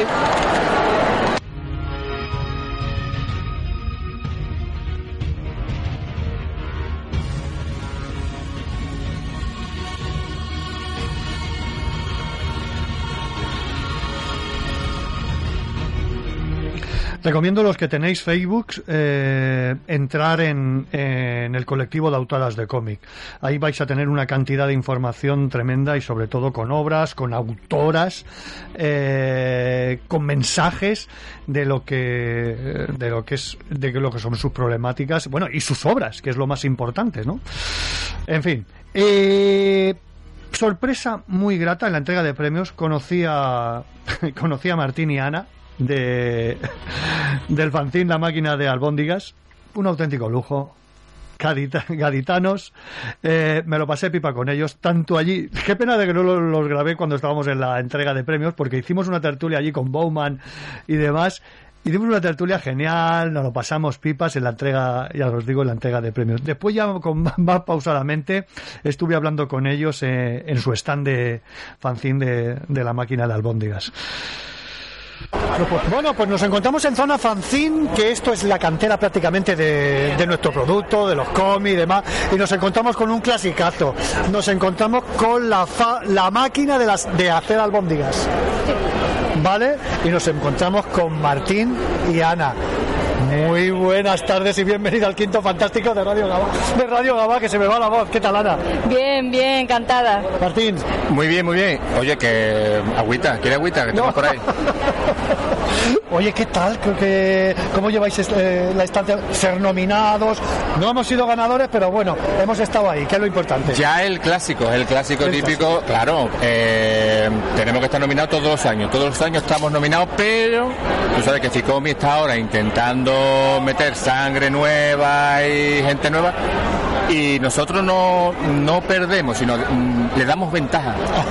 Estamos dejando, sí, sí, porque es que todavía no, no tenemos ganas de ganar. Vale, muy bien. Exacto, gana- bueno, ganar, ganaremos, pero el año que viene tampoco. El, el siguiente, el ¿El siguiente. siguiente?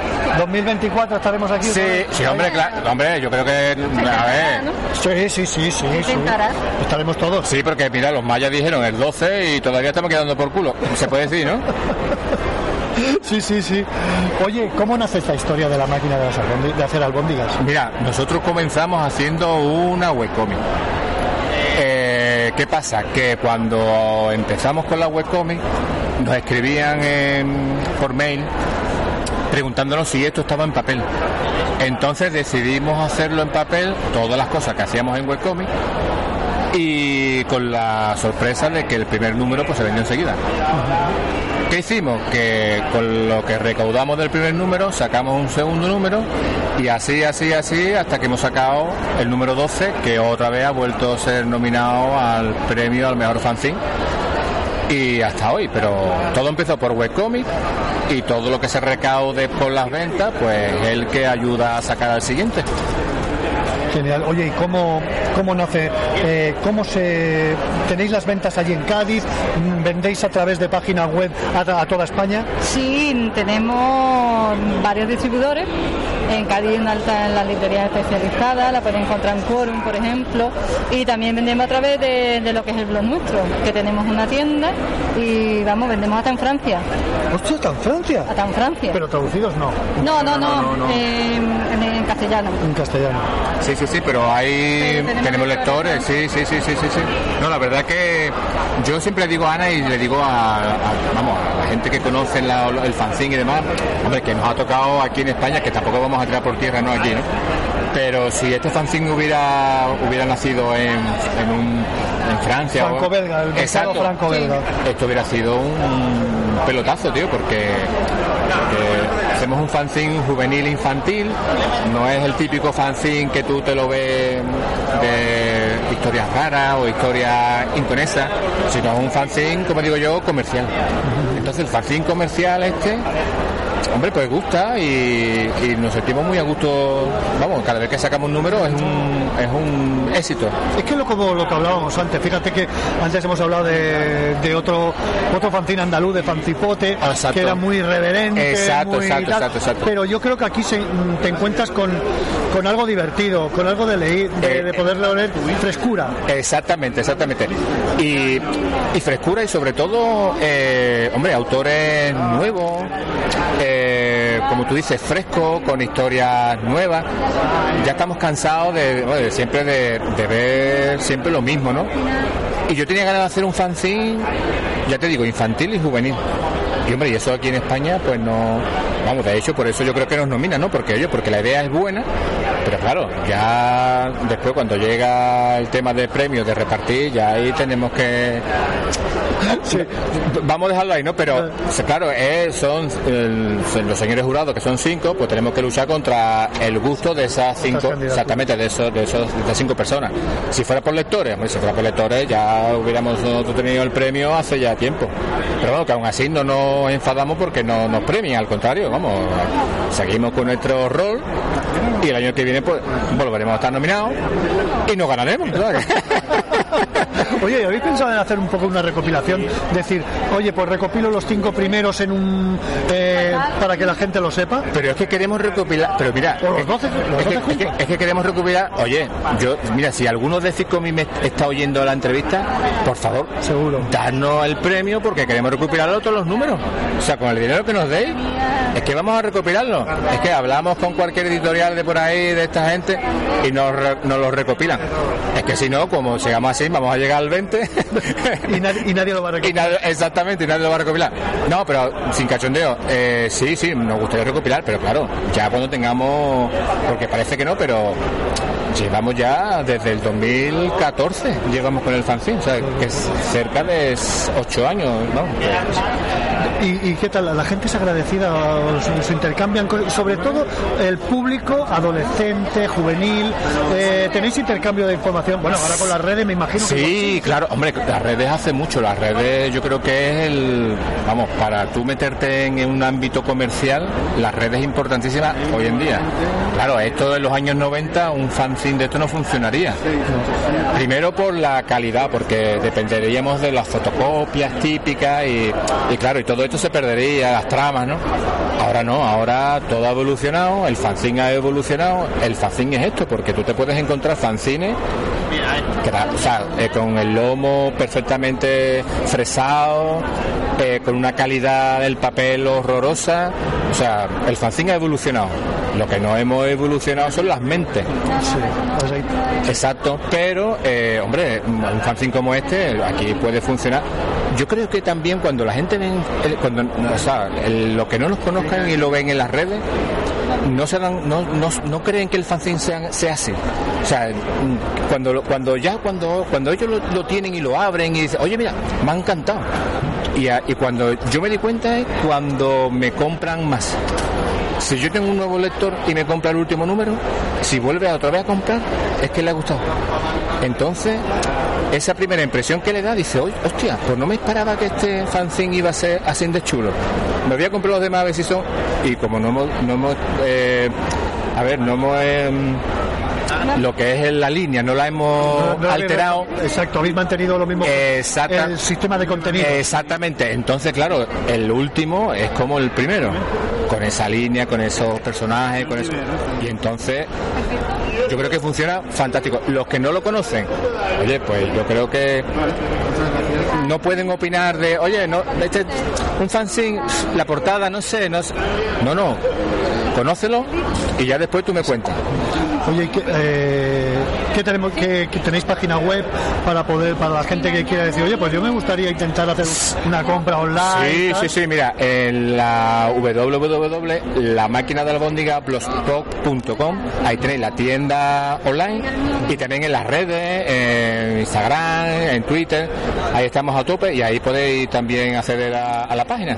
Perfecto, pues oye, será un placer, será un placer sobre todo mm, difundir eh, Es- el, exacto. es, eh, lo- el fanzine para que sobre todo yo creo que es nuestra asignatura pendiente y lo que tenemos ya una edad el decir oye pues vamos a ver si llegamos a esa adolescencia a ese público juvenil que no se meta tanto en videoconsola Exactamente. que, que es muy difícil No, mira, y además te digo una cosa, eh, vamos, cosas que, que ya se saben, pero pero es que nosotros le ponemos una etiqueta muchas veces a, la publicación, a las publicaciones que nosotros hacemos, que la etiqueta es almohadilla, léete un fanzine.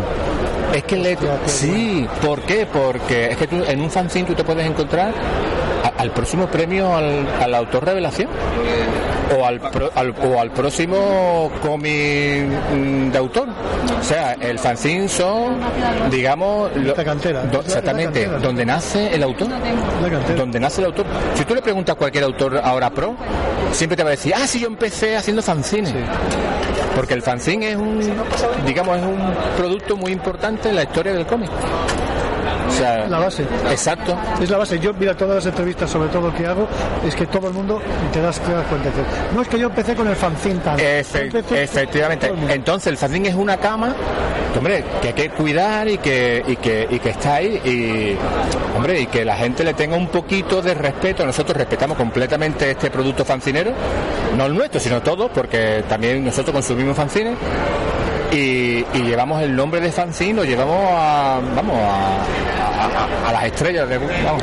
Oye, Ana, y ahora para despedirnos y tal, una mujer ahí haciendo fanzine. Mira que es difícil, ¿eh? Pero yo creo que estáis dando todas un salto, ¿eh? Pero ya no, de, de todas las edades, estáis dando un salto ahí en el mundo del cómic, del fanzine, para tirar para adelante. Sí, bueno, yo más bien soy la editora y la que lleva la web cómic. Bueno. Yo dibujar no, no dibujo. Bueno, pues cada uno aporta su granito de arena. Sí, bueno, in- intentamos, intentamos. No colorean, ¿eh? Bueno, sí, coloreo, coloreo. Bueno, es importante. en la sombra, pero coloreo. Pues oye, es un placer haber hablado con Ana y, con, y con Martín. Igualmente. Espero, espero el año que viene, o antes igual el año que viene, eh, poder eh, hablar, ca- intercambiar unas palabritas con vosotros y sobre todo que estéis nominados y que vengáis aquí a Barcelona. Gente de CAI, ahí muy, muy fuerte. o te vienes para acá. O me voy a Cádiz. No, no, una asigna- otra- eso es otra cosa. Una asignatura pendiente ir a Cádiz. Claro, chiquillo, vente. pues nada, pues yo creo que el Tiene las puertas abiertas allí. Mira, el día que se gane, lo celebramos en CAI. Estupendo. Unos vinitos allí, un. Una juerga en condiciones. Es que, es que no vamos a dormir, vamos, que no vamos a dormir. Vamos para el mar como los gitanos. Claro, es que te va a venir para acá, para Barcelona, vamos, yo no sé cómo te va a venir. Anita, bueno, ¿qué? ¿Te decías a cantar un poquito? Una- Me vas a meter en un lío. Venga, ¿eh? ¿Qué quieres que venga, te diga? venga, Espérate, pero ¿qué, venga. qué, qué quieres que te cante? No, tú, cántame una coplilla de, la que tú quieras. Espérate. Bueno, mira, te voy a cantar una cosa de unas chirigotas, Venga, una chirigota. pero mm, ya antigua, ¿vale? Venga. Venga. Nunca se me dio bien el latín y el griego, pero repartiendo hostias, soy el primero, soy el primero, pues number one. Pues estupendo, Anita, estupendo. Oye, muchas gracias. Encantado de conoceros. Me lleva una sorpresa muy agradable por conoceros y espero veros siempre. Hombre, y ya está. Veros siempre. Sí, igualmente. Un placer, encantado, ¿eh? Venga.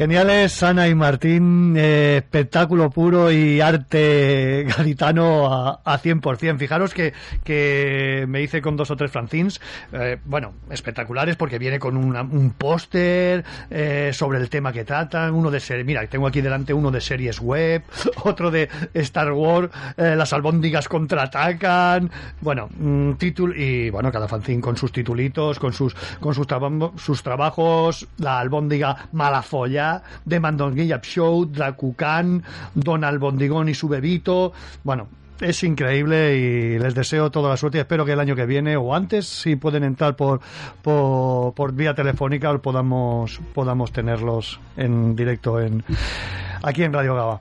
Eh, nos vamos con un clasicazo, con una gente que lo hace súper bien, con una gente que monta un espectáculo los tres días que están allí. Hablar con la chavalería de TVOs Mala Vida es una recarga de ilusión, dinamismo y sobre todo de cómo se tienen que hacer las cosas. Solo os puedo decir, ahora, ahora hablaremos primero con Carlitos Xcar, después hablaremos con Roberto Malo y, y Luis Horus. Así que solamente os puedo decir que disfrutarla. Bueno, bueno, eh, primera visita de sábado y, y obligada, sobre todo. Nos encontramos con, lo- con la gente de mala, de mala vida y sobre todo nos encontramos con, con Carlos, con Carlos Xcar. Muy buenos días y bienvenido una vez más al Quinto Fantástico, Carlos. Hola amigos, ¿qué tal? ¿Cómo estamos? ¿Qué tal? ¿Cómo va todo, tío? Pues muy bien, súper contentos de que haya vuelto el Salón del Cómic de Barcelona, porque claro, llevamos dos años que no se celebraba y además ha vuelto por todo lo alto porque por fin se ha podido celebrar un evento sin control de aforos, sin mascarillas y ya estamos un poquito pues con la vuelta a la normalidad, que estamos muy muy contentos, la verdad. Yo he de felicitarte sobre todo por la parte de que, que os toca, la parte de la pandemia, que habéis estado ahí dando muchos cómics, cuando estábamos todos encerrados en casa y dando ahí cositas para que la gente no se aburriera. ¿eh? De felicitarte por eso. Bueno, yo qué sé, eh, la verdad es que cuando hay problemas siempre puedes hacer dos cosas, o quejarte como un mierda sin no hacer nada, o intentar arrimar el hombro. Yo siempre creo que es mejor echar una mano entre todos en lo que podamos, evidentemente. Y esto pues vale para todo en la vida, amigos. Que sí, que tú te gusta quejarte y protestar de los demás, pero no hacer nada. Muy bien allá tú. Pero yo prefiero echar una mano. Filosofía de vida, ahí está. Bueno, es lo que hay. Oye, ¿qué tal? Eh, ¿cómo- ¿Qué novedades tenemos ahora, sobre todo en vuestra editorial? ¿Qué, Bueno, qué- qué nosotros- nos recomiendas ahí? Vale, nosotros que somos el somos el colectivo Mala Vida, y- que somos un colectivo de autores de, de cómic y además tenemos la editorial Cornoque con la que publicamos nuestros cómics, ¿vale? Llevamos desde el 94 sin parar, somos un colectivo aragonés, hemos hecho ya cientos de TVOs y ahora hemos venido pues con bastantes novedades porque al estar el, Salón del Cómic dos años parado, pues claro, todo lo que no habíamos traído hasta, hasta ahora es novedad. Yo destaco lo último que he hecho, que, que creo que es mi obra maestra y que se llama La maceta que vino del espacio y otras historias de Paco Mico. Paco Mico es un personaje del que ya hicimos un cómic hace tiempo, que es un cientisimio, es decir, un simio que además es científico y, y ahora me, me he cascado un TV entero yo solo con un montón de historias cortitas en el que he abrazado todas mis obsesiones. Yo creo que es mi, mi mejor obra, pero porque lo he dado todo. Digo, mira, voy a poner todo lo que me gusta. Primero un mono, evidentemente. Pero luego, pues eh, la, la ayudante que va con él es una chica pelirroja. Lo siento, pero yo siempre tengo que dibujar pelirrojas porque yo soy pelirrojo, pelirroja fílico. Eh, luego sale un, un compañero que es un triperas, que es su otro ayudante. Luego salen muchos robots, salen seres de otra dimensión. Hay muchos juegos, lenguajes secretos. Hay eh, muchos monos. Hay una tuba que la soplas y te convierte en mono.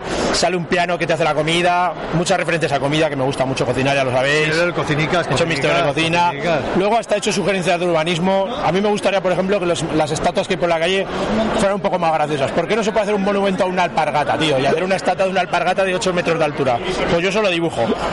No sé, eh, mucha ciencia ficción, muchos libros aparecen, escenas de superhéroes, hasta hay una escena de un capítulo en el que el mono simplemente pone la lavadora, porque es una cosa que yo hago también a menudo, poner la lavadora, amigos. como, hacemos todos. Disfraces de pollo, bueno, todos no. Por ejemplo, Julio Iglesias dudo mucho que haya puesto alguna lavadora en su vida.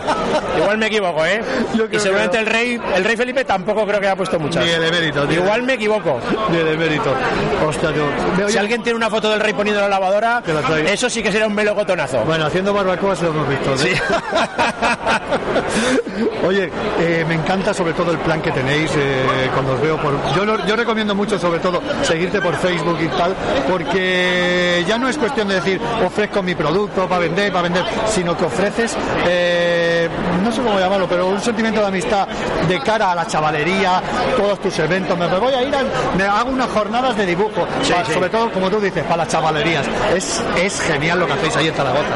Bueno, yo, yo te soy honesto, a mí me gusta muchísimo, muchísimo mi trabajo, soy muy feliz haciéndolo y, y yo creo que eso se nota, tío. Entonces yo al final, yo voy repartiendo amor por ahí, porque, porque es mi mierda. o sea. me, hace, me hace mucha ilusión que los chavales eh, disfruten leyendo tebeos y dibujando tebeos, porque es lo que a mí me ha gustado de siempre y me parece pues una cosa guay que hay que compartir. Me imagino que como el, el pesado ese que hace maratones, que está todo el rato, vente a hacer maratones conmigo, que te lo vas a pasar bien, que luego almorzamos. Pues yo igual. Bueno, hoy cumpleaños mi amigo Javi y lo- se lo estamos cantando todo el salón. No, no, yo, yo lo, bueno, lo estoy escuchando desde que he llegado prácticamente. yo recomiendo a, a- a la gente, bueno, ya esta entrevista se escuchará el martes, pero bueno, lo pondremos por redes, de que hagan una visita, a, a- que os hagan una visita aquí a vosotros, a Malavida, que hablen Venga. contigo, que os tengan ahí un poquito con los cómics. Carlos, es Gracias, amigo. Es un placer hablar contigo y oye, Igualmente. hablamos y espero vernos en Zaragoza o en el próximo salón. Venga, yo voy a todos los sitios que haga falta, ya lo sabes. Un abrazo, amigues. Vamos.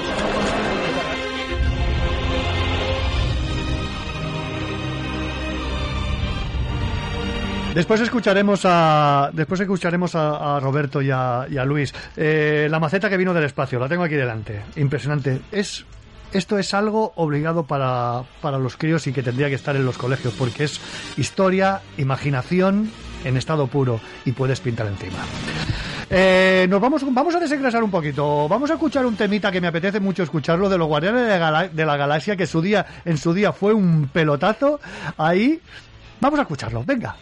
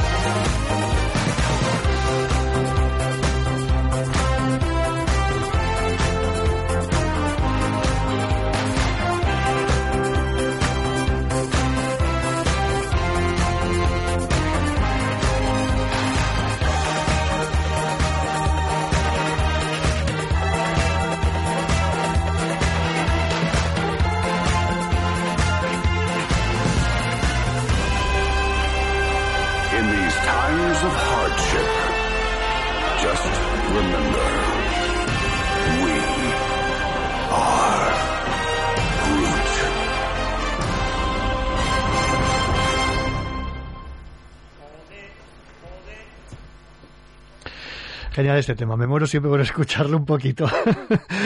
Eh, vamos con la siguiente entrevista. Eh, bueno, yo no, no, no, yo no diría entrevista, prácticamente aquello fue, un podcast directamente, si no los paro, fue un podcast. Fue un lujazo encontrarme con, con Albert Galdor y, perdón, Albert Galdor y Raúl Martín, de Albert Galdor de la viñeta Disco Inferno, Semental Chihuahua, un podcast que arrasan en, en redes por su irreverencia, y Raúl Martín, Extraños en el Paraíso, todo un lujazo de, de cómic profundo, de, sellos independientes, y que es un lujazo para todo buen comiquero eh, escucharlo.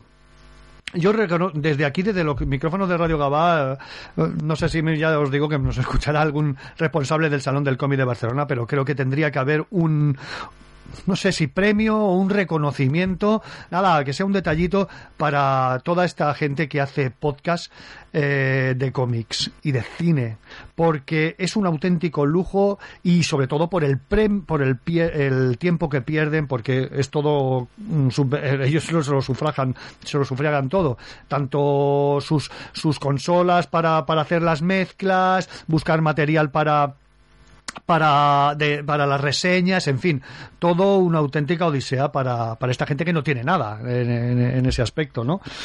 Muchas horas y muchas horas perdidas de trabajo buscando información. No os digo más, disfrutarla. Bueno, pues seguimos en el viernes. Aquí ya en plena, llega el mediodía, ya se nos está apretando un poquito el estómago.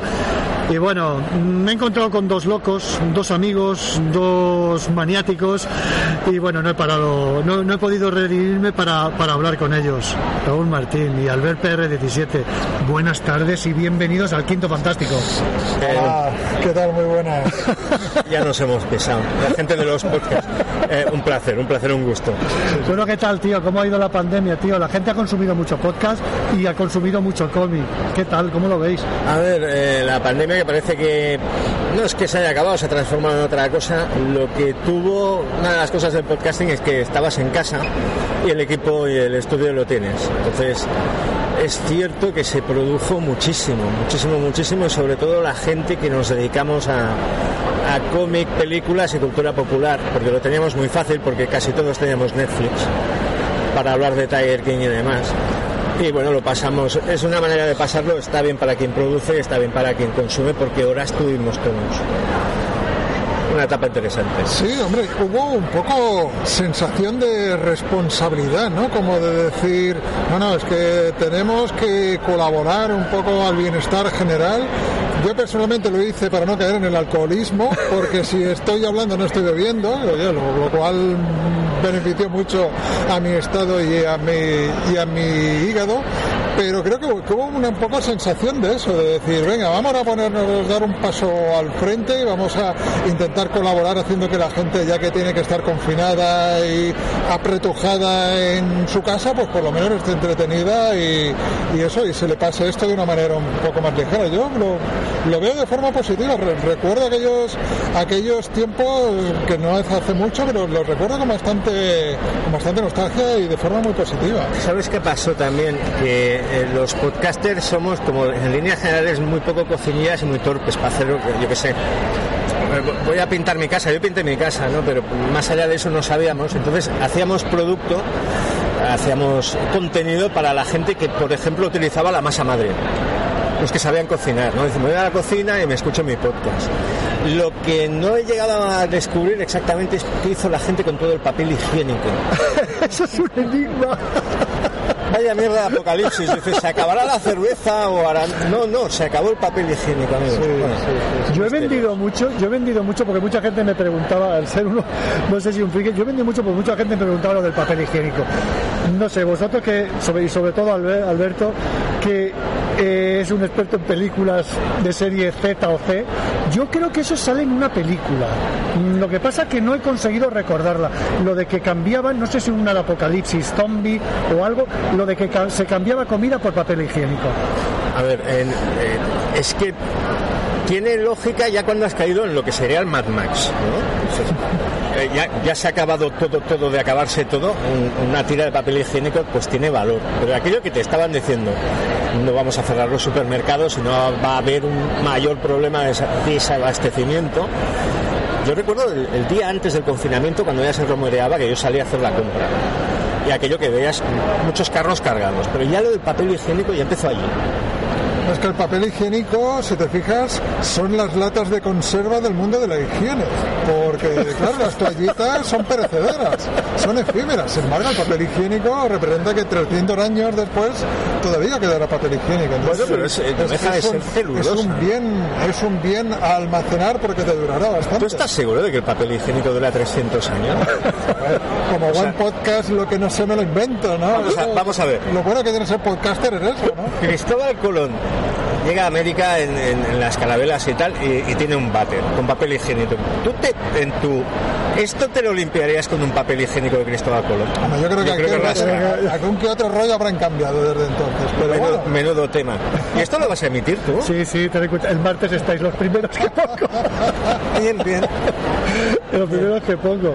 Bien. Hostia. Eh, se lo diré a mi mujer.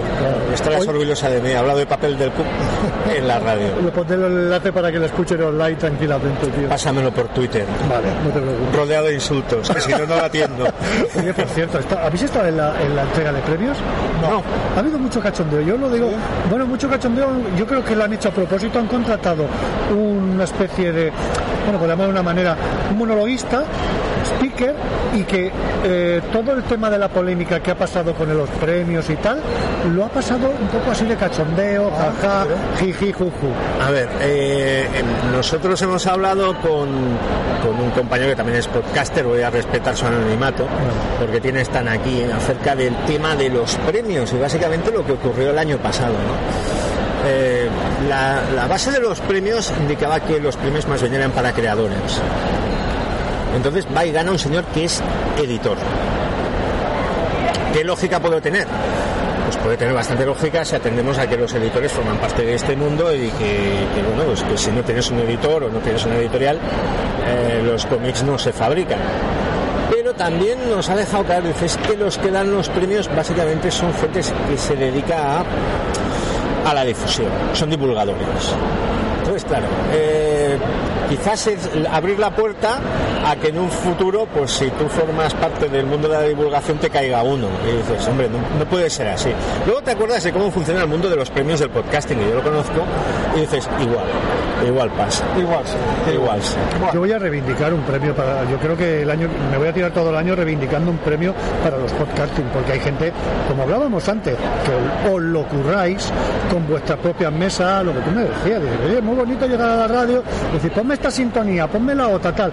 Pero vosotros, vosotros os lo curráis, que es una salvajada. Edición, buscar músicas, en fin. Yo es creo un que. trabajo muy artesanal, sí. Eh, sí, es, eh, una de las cosas que tiene el podcasting es que no hay. eh, podcasting es, como lo diría, no hay una masa crítica como en YouTube o como en, ¿cómo se llama? en Twitch.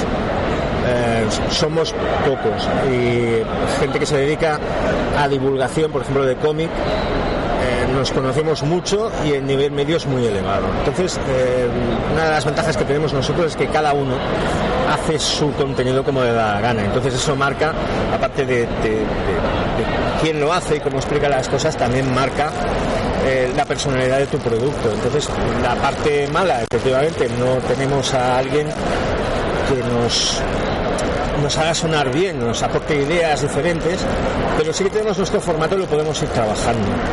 Entonces a veces, eh, más que grabar o más que producir el contenido, tener una charla, es el, podcasting es básicamente cómo, qué idea tienes tú de cómo tiene que ser tu formato, qué es lo que lo que quieres que escuche el oyente, qué ritmo interno le das, si, si añades música o si añades canciones, si te lo tomas más en serio, si eres más distendido. Es bonito, es bonito, pero también es un trabajo, como ha dicho Raúl, eh, tienes que dedicar muchas horas que son de cabeza.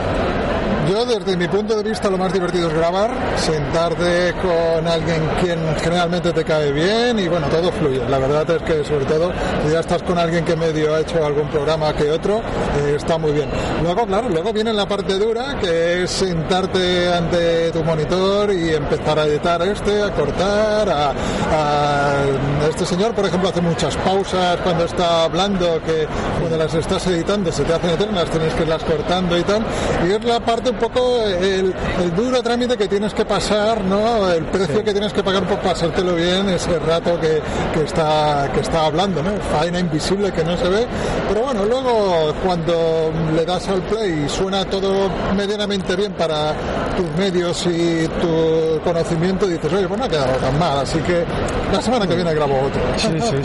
al, al fin y al cabo, yo el otro día grababa con un compañero que pues, eh, está presente en casi todo el podcasting que hace algún tipo de dramatización, porque tiene una voz maravillosa, que es el amigo Jimbo. Y me decía, oye, es que he estado como espeso, me trabucado, arréglalo en edición. Y digo, es que a ti te pasa que te trabucas. Eh, yo tengo, como él dice, tengo pausas enormes. En cambio, cuando yo hablo y me he editado, soy el hombre que habla más rápido de Europa. Hay quien hace chasquidos con la lengua y a base de, de- de- de grabar con ellos, llega un punto en que cuando haces lectura de pista para limpiar, sabes dónde está todo lo que tienes que cortar. Si eso se llega básicamente pues no teniendo vida y siendo una persona como muy alienígena, pues llegas a eso también. Consume tiempo, sí, ciertamente consume mucho tiempo. Madre mía, oye, no me no puedo contenerme y preguntarte por el. Yo lo he bautizado el jueves de, de la del podcasting, que es en el Chihuahua, que nos dais unas horas de entretenimiento, sobre todo cuando yo lo escucho ese programa en mis momentos más, más ocultos de trabajo, en lo que uno está ahí aburrido y demás, porque vamos, te, te levanta el ánimo ahí a todo. Y los de fútbol los disfruto, ¿eh? Los de Al fútbol, ser futbolero. eh, los de fútbol eh, estamos con el amigo Manuel Callejo, que tiene uno de los mejores podcasts de cultura popular de, de- de España, que es Destino Arrakis, pero es futbolero, es del Atlético de Madrid. Hostia, qué, qué gran hombre. Entonces, entonces el caballero pues tenía una tertulia de atléticos, pero tenía amigos que eran del Madrid. Entonces aparecí yo, que soy del Barça. Y me dije, no es lo que más me apetezca, porque lo más fácil, yo he hablado mucho de política, política te puedes discutir bastante, puedes ser como bastante arisco, como es mi caso, según qué cosas. Pero el fútbol es aquello, vamos a ver qué ambiente hay, la verdad es que el ambiente es, bueno, nos respetamos. O sea, ayer eh, estuvimos hablando con dos del Madrid que los hubiéramos estrangulado, pero bueno, en líneas generales hay, hay respeto, hay buen rollo y bueno. Pero Semental Chihuahua, si alguien de aquí lo quiere buscar, Semental Chihuahua Podcast es tres personas que tenemos una cierta edad, somos tres señores, se ha dado esa circunstancia, somos tres señores, que hablamos del mundo, del mundo de cómo vemos el mundo y de lo absurdo que es a veces lo que, lo que nos ocurre en, en las noticias, ¿no? Y acabaréis perseguidos por la camorra como Roberto Saviano o algo así. porque Eh, yo veo venir, yo- tiempo al tiempo. Y denunciado. Yo, yo- yo creo que si después de grabar cinco, ¿qué fueron? ¿Tres horas o cuatro horas? Cuatro fue uno, el de... El del rey, el del rey. emérito. Si hablamos de lo- la vida del emérito y no nos ha pasado nada, también hay que decir que hablamos, aunque parezca mentira, normalmente hablamos con documentación. Tenemos un documentalista que es el amigo Joe Spinner que nos documenta, o sea, no decimos mentira. Y cuando de- a- hacemos aquello de ser todólogos, lo decimos, digo, bueno, es que yo tengo la impresión que, pero aparte de eso, pues tú tendrías que confesar a la audiencia que lo escuchas por los insultos, por los tacos y los chistes escatológicos. El problema es un oyente que una vez nos dijo, es que yo he dejado de informarme en medios habituales y me informo con vosotros. Digo, no tampoco. No tampoco, ¿no? Pero bueno, se agradece. Y yo destacaría también La Taberna, como no, porque es uno de los podcasts de, de culto. Yo para mí es uno de los podcasts de culto, de, de que Raúl trata, trata el cómic. Bueno, yo es que bueno he sido un fan de- del sello Vértigo y cuando tratas cositas de, sobre todo, de- bueno, ahora Black Label para, para los nuevos oyentes, y yo cuando tratas cositas así de estas me, me- Bueno, sí, es que llega un punto en que dices, vamos a hacer algo diferente, vamos a tratar de cómics que no se hablan en otros sitios y tal, entonces pues vas buscando y al final dices, vamos a ser sinceros, si a mí me gusta esto, sí que es cierto que no es el cómic que, que tenga más eh, preponderancia, pero bueno, si te, al final la gente lo que va a querer es que tú le expliques las cosas desde tu opinión, eh, expliques eh, algo desde tu punto de vista particular, que es lo que puedes aportar. Entonces, pues se trata de eso, son proyectos pequeñitos, cómodos, porque quieras que no, los proyectos grandes y tal siempre tienen mucha difusión, hay mucha gente que está de acuerdo, pero otra que tampoco está de acuerdo. Y estas cosas así, estos pequeños reductos de la podcastfera, en los que somos como familia, todos muy bien avenidos, la verdad es que se agradecen. Y bueno, pues que a la gente le guste cuando hablas de cómics que se salen un poco del patrón normal, ¿no? De Marvel y DC, pues también se agradece. Y un poco es eso, siempre vale la pena, ya que el podcast puede ser un abanico muy grande, pues hacer pequeños rinconcitos donde el que le guste pues lo encuentre y, y no hacer siempre lo- los temas eh, que trata todo el mundo, que está muy bien y, Sí, se, sí. Tienen, y se tienen que hacer. Yo eh, estoy completamente de acuerdo, pero también tiene que haber un poco de eso, ¿no? O poco eh, tener algo más directo a un nicho, ¿no? Y ya que nadie me cobra por tener que, que- que ponerlo en espacios y tal, pues digo, bueno, pues vamos a hacer lo que nos guste como nos gusta. Es que el mundo del cómic es muy grande y, y- y, por ejemplo, él eh, es el que te al que recurres para decir qué voy a leer el año que viene. Las cosas Sí. como son. Yo sí. siempre digo lo mismo, cuando un podcast aparece, salen extraños en el paraíso. Cuando un podcast se hace famoso, sale la viñeta. Sale la viñeta, Sí, es, es- es la maldición del- de, de- de que él sabe un porrón mucho más que yo, entonces yo llego con las cosas calentitas. Él prospecciona lo que, lo que va a llegar y quién está haciendo qué y qué es lo que va a salir. Y yo soy del que llega a la tienda y dice, ay, me acuerdo que Raúl habló de esto, me lo llevo. Y pregunta al librero, ¿se ha vendido mucho?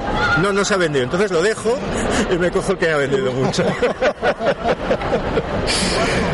Oye, nenes, es un placer hablar con vosotros y demás. Bueno, eh, Raúl también me ha comentado que hab- habrá una trubada, una trubada de podcasting que espero que, que- que estemos ahí todos para charlar un poquito y, y pasar un ratito bueno. Pues sí, si puedes grabar también, seguro que sea alguna cosa interesante. sale. Pues oye, no lo, de- no lo descartes. Sí, eh, lo, de- del mes que viene. Uy, no, no habla nadie allí. No, es, es lo malo. No habla nadie allí. Bueno, tíos, os dejo que vayáis a comer, tío, y oye, sigáis disfrutando del cómic. Fantástico, ha sido un placer, un gusto. Ya me dirás cómo se cobra. Sí, eh, no te lo pasaré. ¿A ¿Talón nominal? Eh, pásamelo en negro. Vale. Max, salgo en la radio. un placer, caballeros.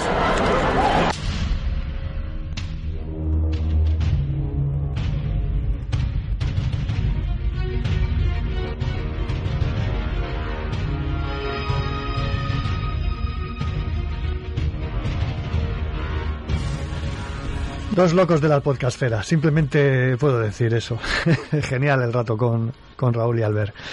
Eh, nos vamos con, con la segunda entrevista que hicimos allí, allí con los de Mala Vida y en este caso pues estuvimos hablando con Roberto Malo, genial como siempre, y conocimos a Luis Horus que nos presentaron ese proyecto que, bueno, el proyecto no, ya es, un, es una obra que es Ventanas, muy adulto y muy, y muy guapo. Yo la recomiendo, entrar, en- entrar eh, se llama Ventanas. Y es de Roberto Malo y Luis Horus.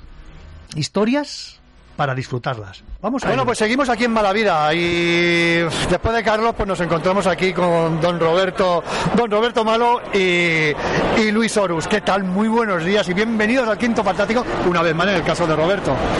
Pues encantado de estar de nuevo en el Salón del Comité de Barcelona, que es una maravilla volver. Sí, ¿Qué tal. Luis? Hola, buenas. Pues estamos encantados de poder volver a estar en un acto como este, que parece que vuelve toda la normalidad, eh, la gente se saluda, se abraza, nos vemos las caras, las sonrisas y es maravilloso poder volver a vernos sobre todo. Sí, sí, yo creo que después de dos años ha sido bastante eh, es la palabra, iba a buscar otra cosa, pero bueno, yo creo que, pero antes he felicitado a Carlos, ¿no?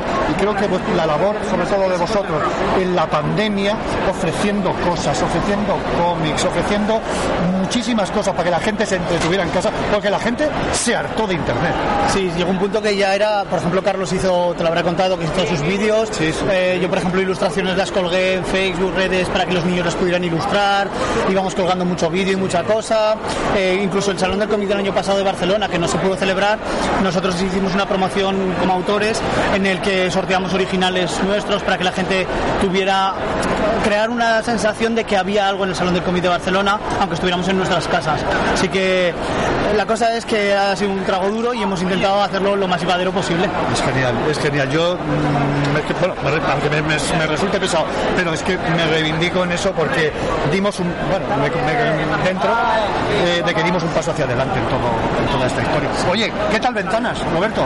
Pues es el TVO que hemos sacado juntos Luis y yo, es un TVazo antológico, porque son 35 historias cortas eh, para adultos, ahí lo marcamos mucho porque eh, tanto Luis como yo tenemos muchos TVOs, digamos, todos públicos o incluso infantiles, y cada quien, ¡ojo! que es para adultos! Pero aún así son historias muy elegantes de humor negro, humor verde, humor blanco. Esta, el que nos gusta. Con final impactante, sorprendente, muy cortitas, como mucho cuatro páginas cada una. Y la verdad es que hemos quedado muy, muy, muy contentos, ha quedado espectacular. Tiene un portadón y siempre decimos, si la portada es buena, el TVO es bueno. bueno. Yo creo que tira mucho las portadas, siempre, siempre es lo que te llama la primera vez la atención y bueno, ya, ya ahí con cositas, ven- eh, voy a describir al oyente un poquito la portada ahí, parece, aparece alguien con un puñal en un edificio, bueno, bueno, bueno, eh, muy, muy ahí a tope, de- muy de intriga y muy de terror, ¿no? Sí, además la portada, en la portada, claro, como son 35 historias cortitas, eh, ¿cómo representábamos eso en una portada?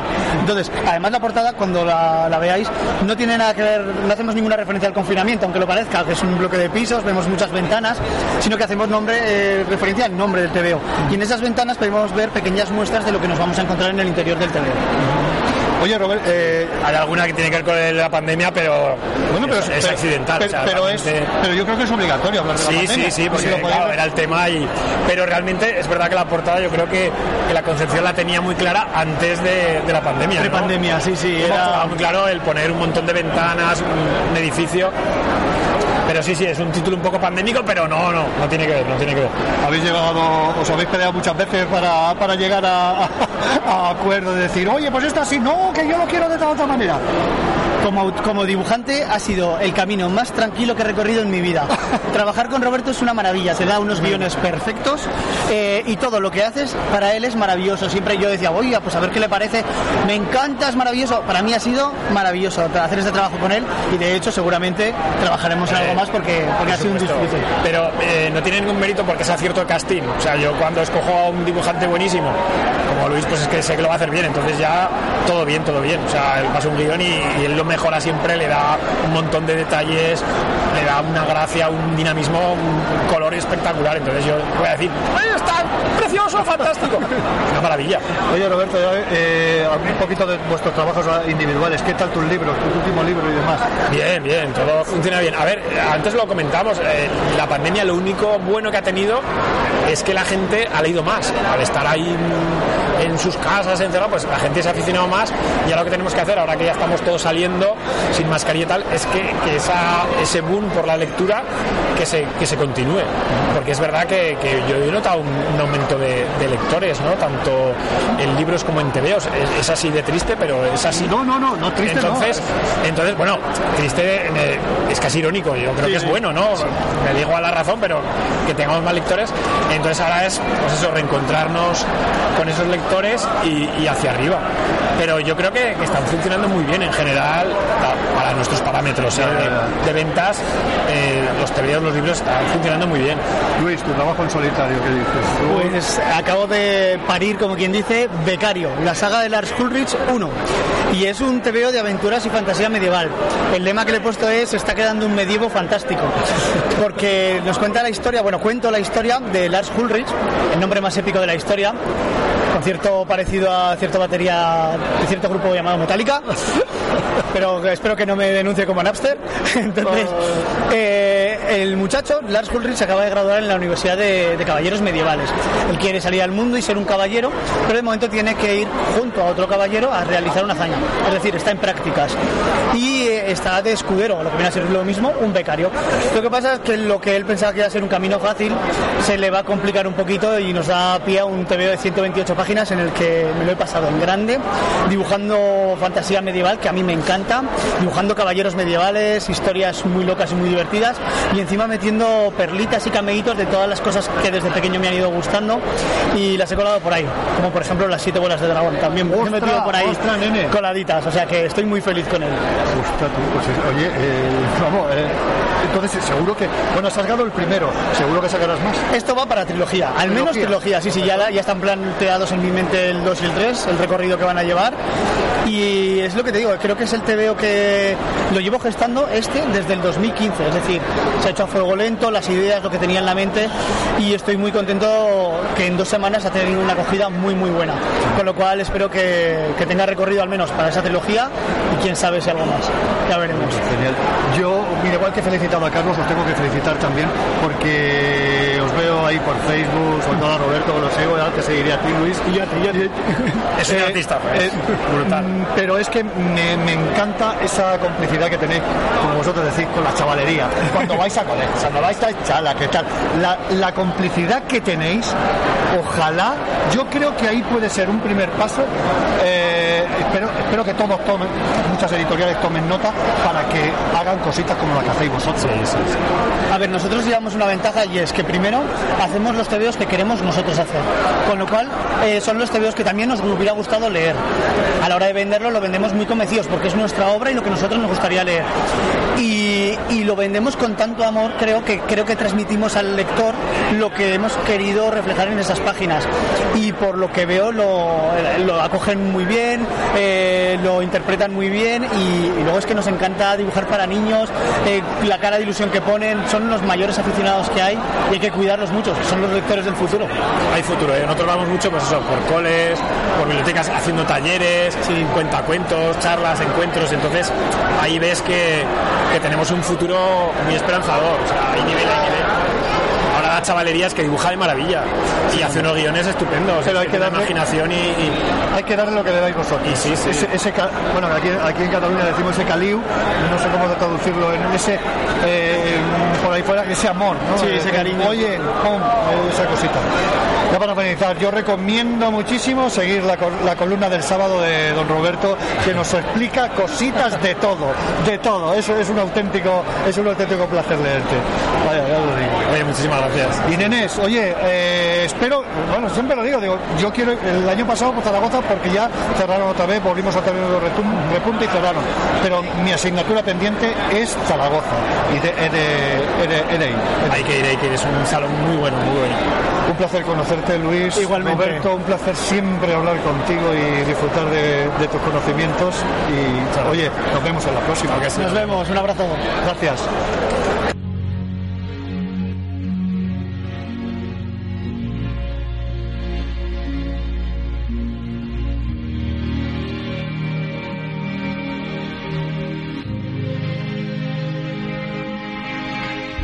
Geniales Roberto, Roberto y Luis.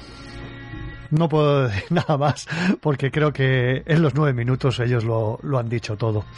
Eh, y nos vamos ahora con Tony Cudo, letra blanca. Mm, Tony Cudo es lo ves en todos los salones, entregado, explicando a todo el mundo desde el minuto uno cuando llegan allí a su stand, pam, este cómic, este tal, tal, muy man de manga, muy- es un auténtico lujo hablar, hablar con Tony, tanto por su sapiencia comiquera y de cómo se esfuerza por, por su producto y su ilusión.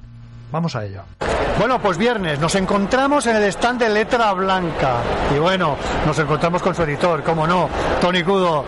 Buenos días, Tony. ¿Qué tal? ¿Cómo estamos, Alberto? Aquí estamos ya batallando y entrando un poquito y entrando un poquito en calor después de casi dos años. Oye, ¿cómo ha ido tema pandemia, tío? Dos años aquí, ahí. ¿qué Para las editoriales pequeñas, yo lo sé, yo lo sé que es difícil. Bueno, eh, este año está siendo difícil todavía. O sea, si te piensa una cosa, si el año pasado Letra Blanca estaba en un 2 sobre 10, por ejemplo, en, una la situación, ¿no? Este año, pues ahora mismo estoy como en un 2,9, o sea, que escalando, ¿no? Pero claro, pero porque es que la situación ha sido súper bestia y súper desastrosa. Y aparte piensa que Letra Blanca pasó no por uno, sino por dos parones por COVID, ¿no? El primero fue el que tuvimos todos y el segundo fue en agosto de, de 2020, cuando tenían la imprenta tenía que imprimir mi Radiant 10, me imprimió mal, tan mal que yo como editor dije, no, no, no, esto no se puede sacar así. Y tardaron dos meses en volver a dármelo. Otros, otro parón de, dos meses, como de como el mismo parón por la pandemia, vamos, pasó en el peor año posible y encima sin salones, sin eventos. Pero bueno, ya está, escalando posiciones. De aquí, en- de aquí en adelante, escalando Sí, posiciones, que es lo importante. Yo creo, yo creo que hay que ser positivo y que creo que, bueno, yo creo que el pistoletazo de salida lo visteis en el manga. Yo creo que en el manga no sé cómo, cómo te iría y demás ahí con, con- con los autores, bueno, con, con el material que tienes, coño. Bueno, el Salón del Manga de Barcelona la verdad es que fue muy bien y de mucha ayuda, la verdad. Y de eso es que, más, es que de- fue más o menos igual de bien que la última vez que se hizo, lo cual me sorprendió me sorprendió bastante. La verdad que es un el Salón del Manga de 2021, la verdad es que lo, lo voy a recordar con mucho cariño siempre. Aunque bueno, el pistoletazo de salida fue un poquito en verano del Salón del Cómic y el Manga de Rubí, porque básicamente porque yo soy el impulsor de ese evento, porque es, es un evento que me saqué yo de la manga, ¿no? Porque digo, a ver, eh, me hacen falta eventos, yo he crecido en Rubí, en Rubí no hay ninguno, Rubí es un buen sitio para hacerlo, voy a montar un evento en Rubí, ¿no? Y bueno, y hablando con, con el Ayuntamiento de Rubí, con Rubillova y tal, que, que son los que organizan oficialmente el evento, ¿no? Pero una colaboración muy chula y fue un evento que salió súper bien. Así que eso fue algo pues que ayudó también. Y sí, después ya el Salón del Manga de Barcelona, genial. Y los que han podido ir viendo después, y lo he dicho, de aquí en adelante y de aquí para arriba. Muy bien, muy bien, me alegro que sea positivo. Oye, dos cositas. ¿Cómo, funciona, cómo está Radiant y cómo está Super Barna? ¿Cómo está Radiant? Bueno, Radiant está bien. Radiant, de hecho, está pues, a la espera de seguir acumulando de, de seguir acumulando ventas y de que todo vaya bien, ya sea con la preventa de Reverso y de Matando el Tiempo en América, ya sea con los eventos y tal, pues para poder seguir sacando más libros, ¿no? El, de hecho, es claro, el, el objetivo que tengo yo es- este año es el compromiso que tengo pues con los lectores, con los letablanques, con las series que quedaron paralizadas por la pandemia, ¿no? Capitán Harlow ya está terminada, Salva de Pizzi será la siguiente que se termine, que se termina, bueno, que será el próximo manga que se publique será el de Salva de Pizzi 5. Eh, el Space Punch, pues también eh, no es una serie paralizada por la pandemia, de hecho se estrenó el Sound del Manga de Barcelona, pero es el siguiente que se va a continuar también, ya que el autor va a buen ritmo, pues también pues, pues darle ese mismo ritmo en España, ¿no? Y Radiant, pues hemos sacado, eh, sacamos el tomo 11, sacamos ahora el 12 y el plan es que a final del verano sacar el tomo 13 y 14, los dos tomos juntos, ese es el plan, para acercarlo ya a su ritmo de publicación francés, ¿no? que a final de año eran por el 17 en principio. Y, y a partir de ahí pues el plan es co- continuar pues con las que se quedaron paralizadas por la pandemia. El, eh, siguiente sería Orion que también que en Francia también se quedó paralizada. Y quiero recuperarla me gustaría recuperarla antes de final de este año eso sería La Caña y cuando el tomo 5 de Talis esté empezando a trabajar en Francia, que es el último de la serie, pues también será el momento de recuperar Tali en España pues para continuar pues con el tomo 3, el 4 y el, y el 5. Y ahí vamos, recuperando recuperando el, poco a poco el terreno perdido por estos dos años. Te voy a preguntar una cosa eh, de un evento que, se, que fue en Gabá, no sé si llegaste a venir, Sakura Fest. Sakura Fest, no, a Sakura Fest no, al que, en el que sí que estuve la semana pasada fue en el Sakura Matsuri de Sabadell, en ese sí, en ese sí que estuve, que es la primera vez que se hizo y no estuvo mal, la verdad, el, fue un evento, el, de Sabadell, el de Gabá no lo sé, pero el de Sabadell estuvo chulo eh, para ser la primera edición, me, de hecho al, a la organizadora al final del evento me vino, oye, pues el año que viene a lo mejor otras fechas o algo, ¿no? Le dije, oye, digo, yo, ha ido lo bien que podía ir, es la primera edición, sabéis el camino que queréis tomar, Digo, el año que viene vendrá más gente, vendrá algunas editoriales más, mira, sí que hay tres o cuatro cositas que yo cambiaría, digo, pero que pero no te agobies, que ha ido todo bien que podía ir, o sea, sí, sí, ya te digo, ¿no? Un evento muy, muy chulo, a mí me gustó, estuvo bien, la verdad. No, yo te lo decía, lo del el Sakura Fest, es la primera, mira, es también un primer año que, que se ha hecho allí en Gabá, y, bueno, la aceptación fue bastante, conocí a los eh, organizadores, porque a mí también me pilló por sorpresa un poco, y mm, oye, una cosita bastante maja.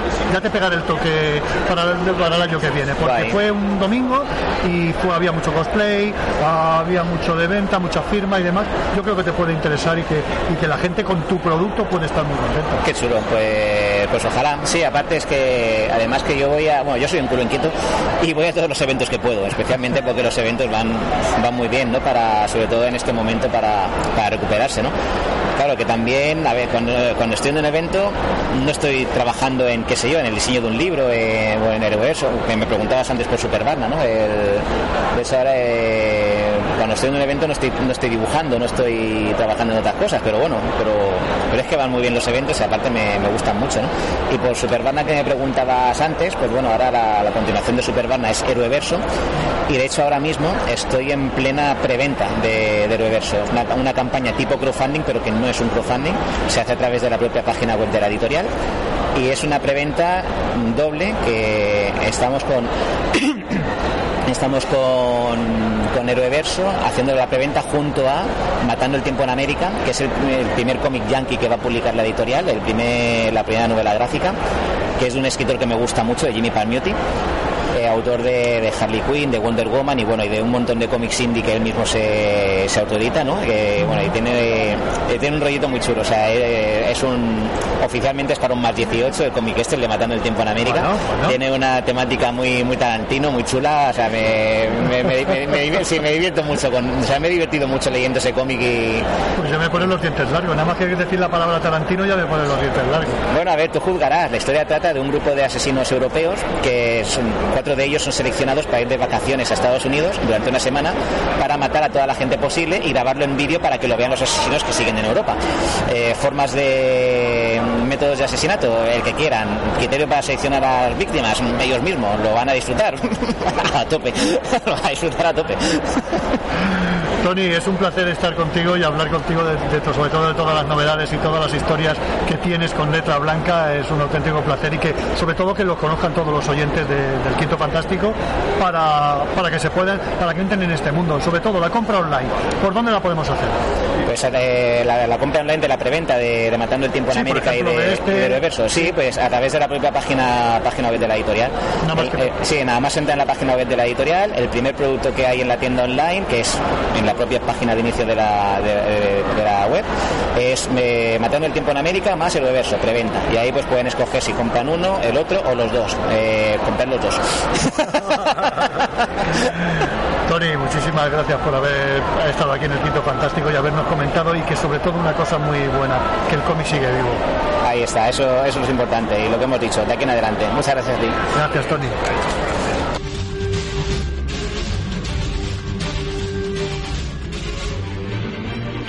Genial la ilusión que tiene Tony Cudo y genial todos sus productos. Yo os recomiendo muchísimo que, que entréis en su página web, en letra blanca. Allí vais a encontrar una gama muy, muy amplia y muy suculenta. Y otra cosa, eh, ya estamos llegando al final. Os preguntaréis, ¿habrá tertulia de los analistas preparando un poquito Doctor Strange en el multiverso de la locura? Sí, sí que la habrá. En el próximo programa juntaré a los analistas y, hablaremos. Estuve en el cine con ellos, tanto con tanto con, Fernando, con Rocío. Bueno, espectacular, espectacular. No, no me os puedo decir. Os voy a poner un detallito mm, de Doc Pastor. Nada, no es ningún spoiler, pero creo que resume perfectamente lo que, lo que es la película. O sea, creo que es lo mejor que ha hecho Marvel Studios, para mí al menos. Y es que es, tú vas a ver una peli de San Raimi, San Raimi la dirige y es San Raimi. La peli, sin desvelarte nada, empieza pues aventurera, muy Marvel Studios, y va avanzando, y va siendo más San Raimi, y se va cayendo más hacia el terror, y más, y sigue. Y además tiene un momento con el tema de multiverso que sin desvelar nada, esto lo puse en la crítica, Disney hace una cosa que lo entenderás cuando la veas, que es un esto va a pasar. Esto que queréis que pase sucederá. Pero ni ahora hay que esperar. Cuando nosotros queramos. ¿no? Sí, ya lo... Cuando nosotros quedamos me refiero a, ellos, Disney. A Disney. Claro, cuando lo veas lo entenderás, pero es un Disney diciendo, esto pasará seguramente de esta forma, pero hay que esperar. Y cuando lo veas lo vas a entender. Pues nene, a las ocho y media tengo ya las entradas cogidas. Y Pues a las once escríbeme. No, no, no, en cuanto salga, en cuanto, en cuanto salga te lo digo. Cuando salga te lo digo. Te va a gustar, te va a gustar. Oye, Doc, es un placer siempre hablar contigo, tío. A ver si, te- bueno, tomas otro café o lo que sea. Bueno, oye, eh, bueno, me dejaste un poquito. eh, Bueno, no sé si lo Va podemos- para largo todavía, pero... ¿Va para largo? Vale, Bueno, pues todavía podremos, podremos todavía sí, disfrutar no- de dos no de ya, de aquí en Barcelona. Un poco más, al menos sí. Vale, eh, ya me dejas más tranquilo y ya, ya, ya de esto, ¿vale? Nene, un placer como siempre hablar contigo y vamos, pasarlo bien. Gracias, tío.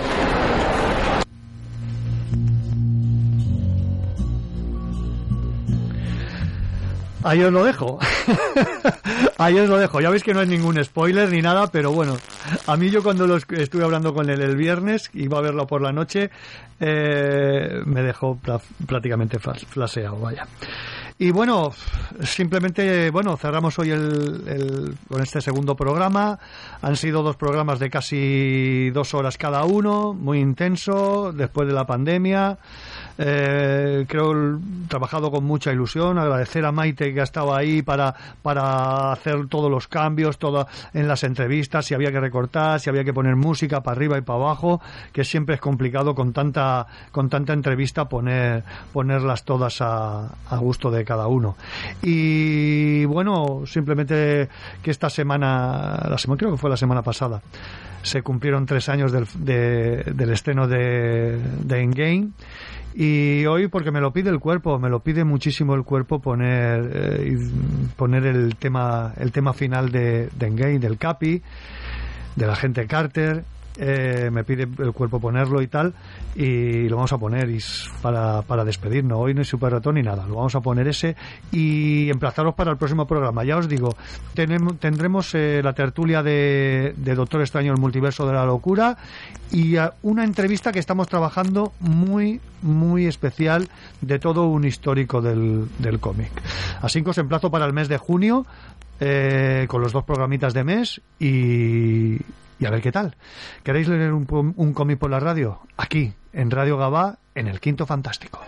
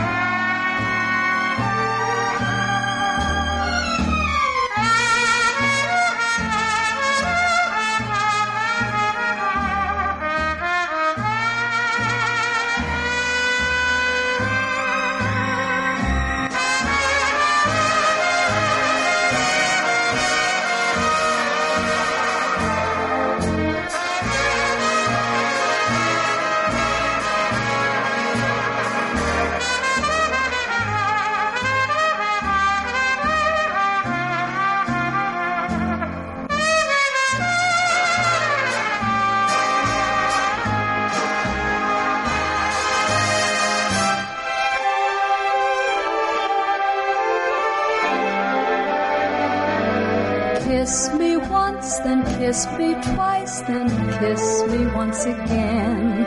It's been a long, long time. Haven't felt like this, my dear,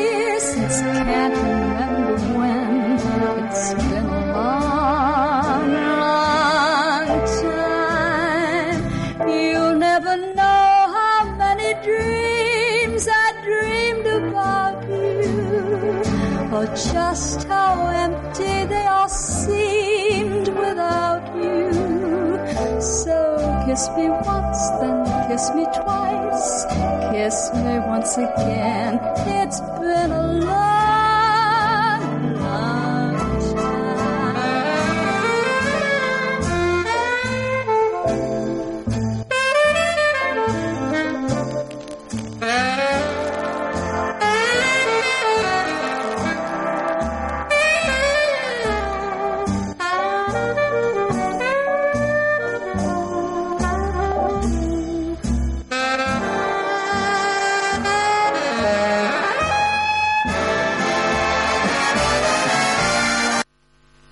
Escuchando El Quinto Fantástico.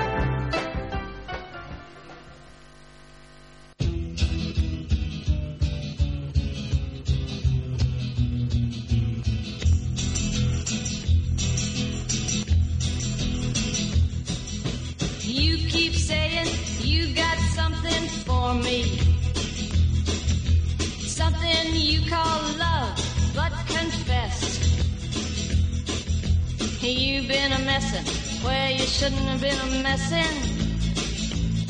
And now someone else is getting all your best. These boots are made for walking, and that's just what they'll do. One of these days, these boots are gonna walk all over you.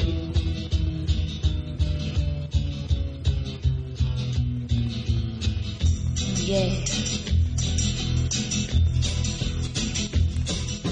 You keep lying when you ought to be truthing. And you keep losing when you ought to not bet. You keep saying when you ought to be a changing.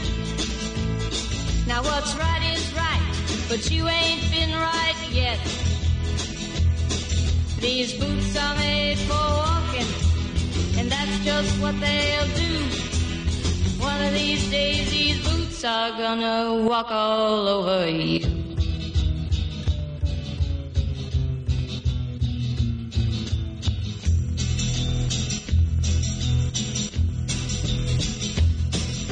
You keep playing where you shouldn't be playing. And you keep thinking that you'll never get burned. A brand new box of matches, yeah. And what he knows you ain't had time to learn. These boots are made for walking, and that's just what they'll do. One of these days, these boots are gonna walk all over you.